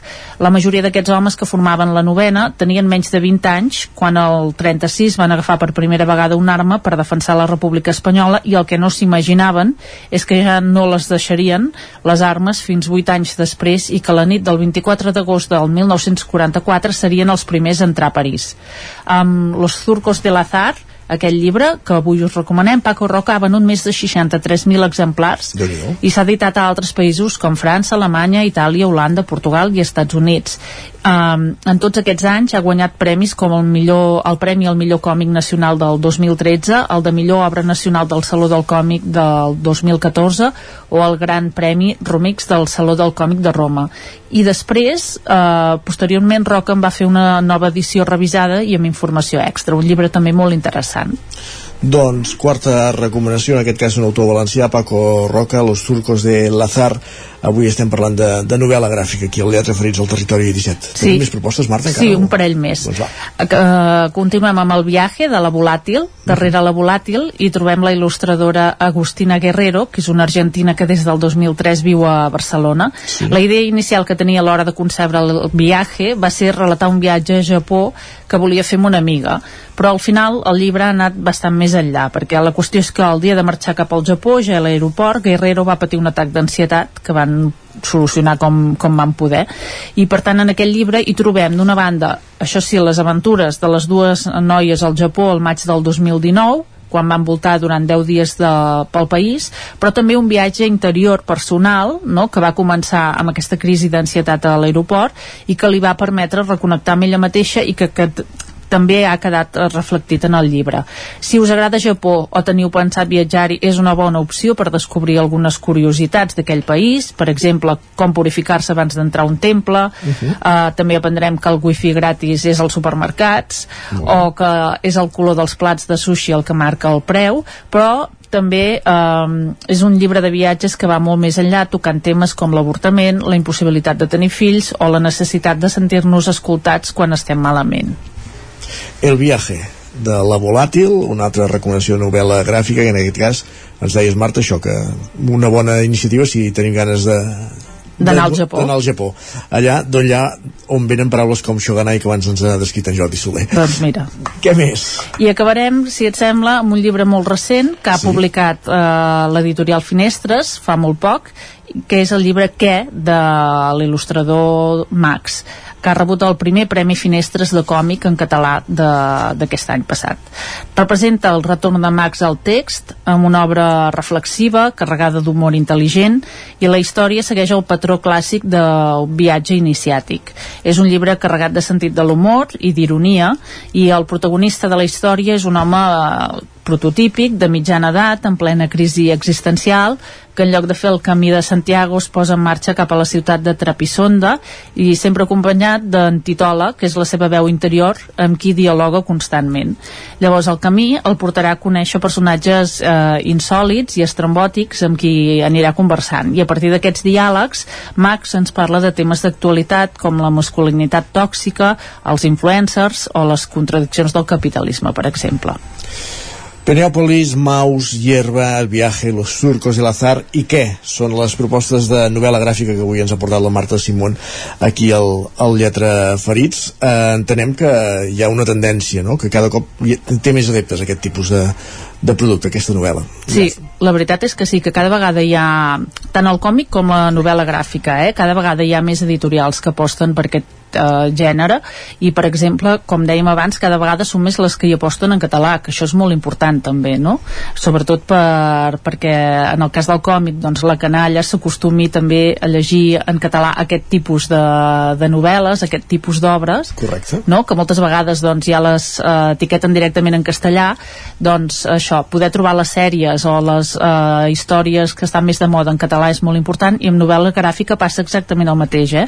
i cada vegada fins i tot s'estan um, re, readaptant clàssics en el format de novel·la gràfica o biografies també en trobem en el format de novel·la gràfica mm, és un gènere molt interessant, molt extens i t'hi pots perdre si no hi entens gaire, la veritat és que sí I si es, si es tradueix al català no és per altra cosa que és que perquè hi ha demanda. Eh, I això sempre, doncs mira, una mica d'optimisme Sí. a, la llengua també va bé. exacte tant. Doncs Marta Simón, moltíssimes gràcies una setmana més per acompanyar-nos aquí al Territori 17, aquí al, al Lletra Ferits i avui descobrint-nos totes aquestes propostes de novel·la gràfica que acabi d'anar bé la recuperació per Sant Gràcies. Jordi i ens retrobem d'aquí un meset. que vagi molt bé Gràcies. I nosaltres que ja encarem la recta final del territori 17 d'avui, després del Lletra Ferits ja pràcticament arriba el moment de dir adeu. Eh, programa que us hem estat, de, en el qual us hem estat acompanyant des de les 9 del matí.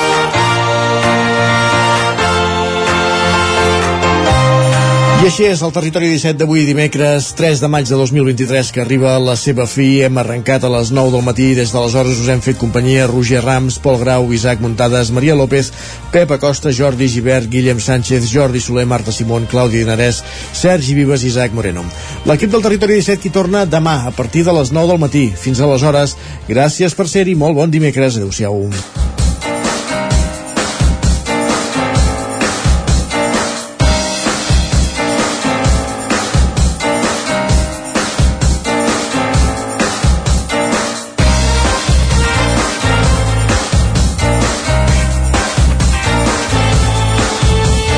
Territori 17, un magazín del nou FM. La veu de Sant Joan, Ona Codinenca i Ràdio Cardedeu amb el suport de la xarxa.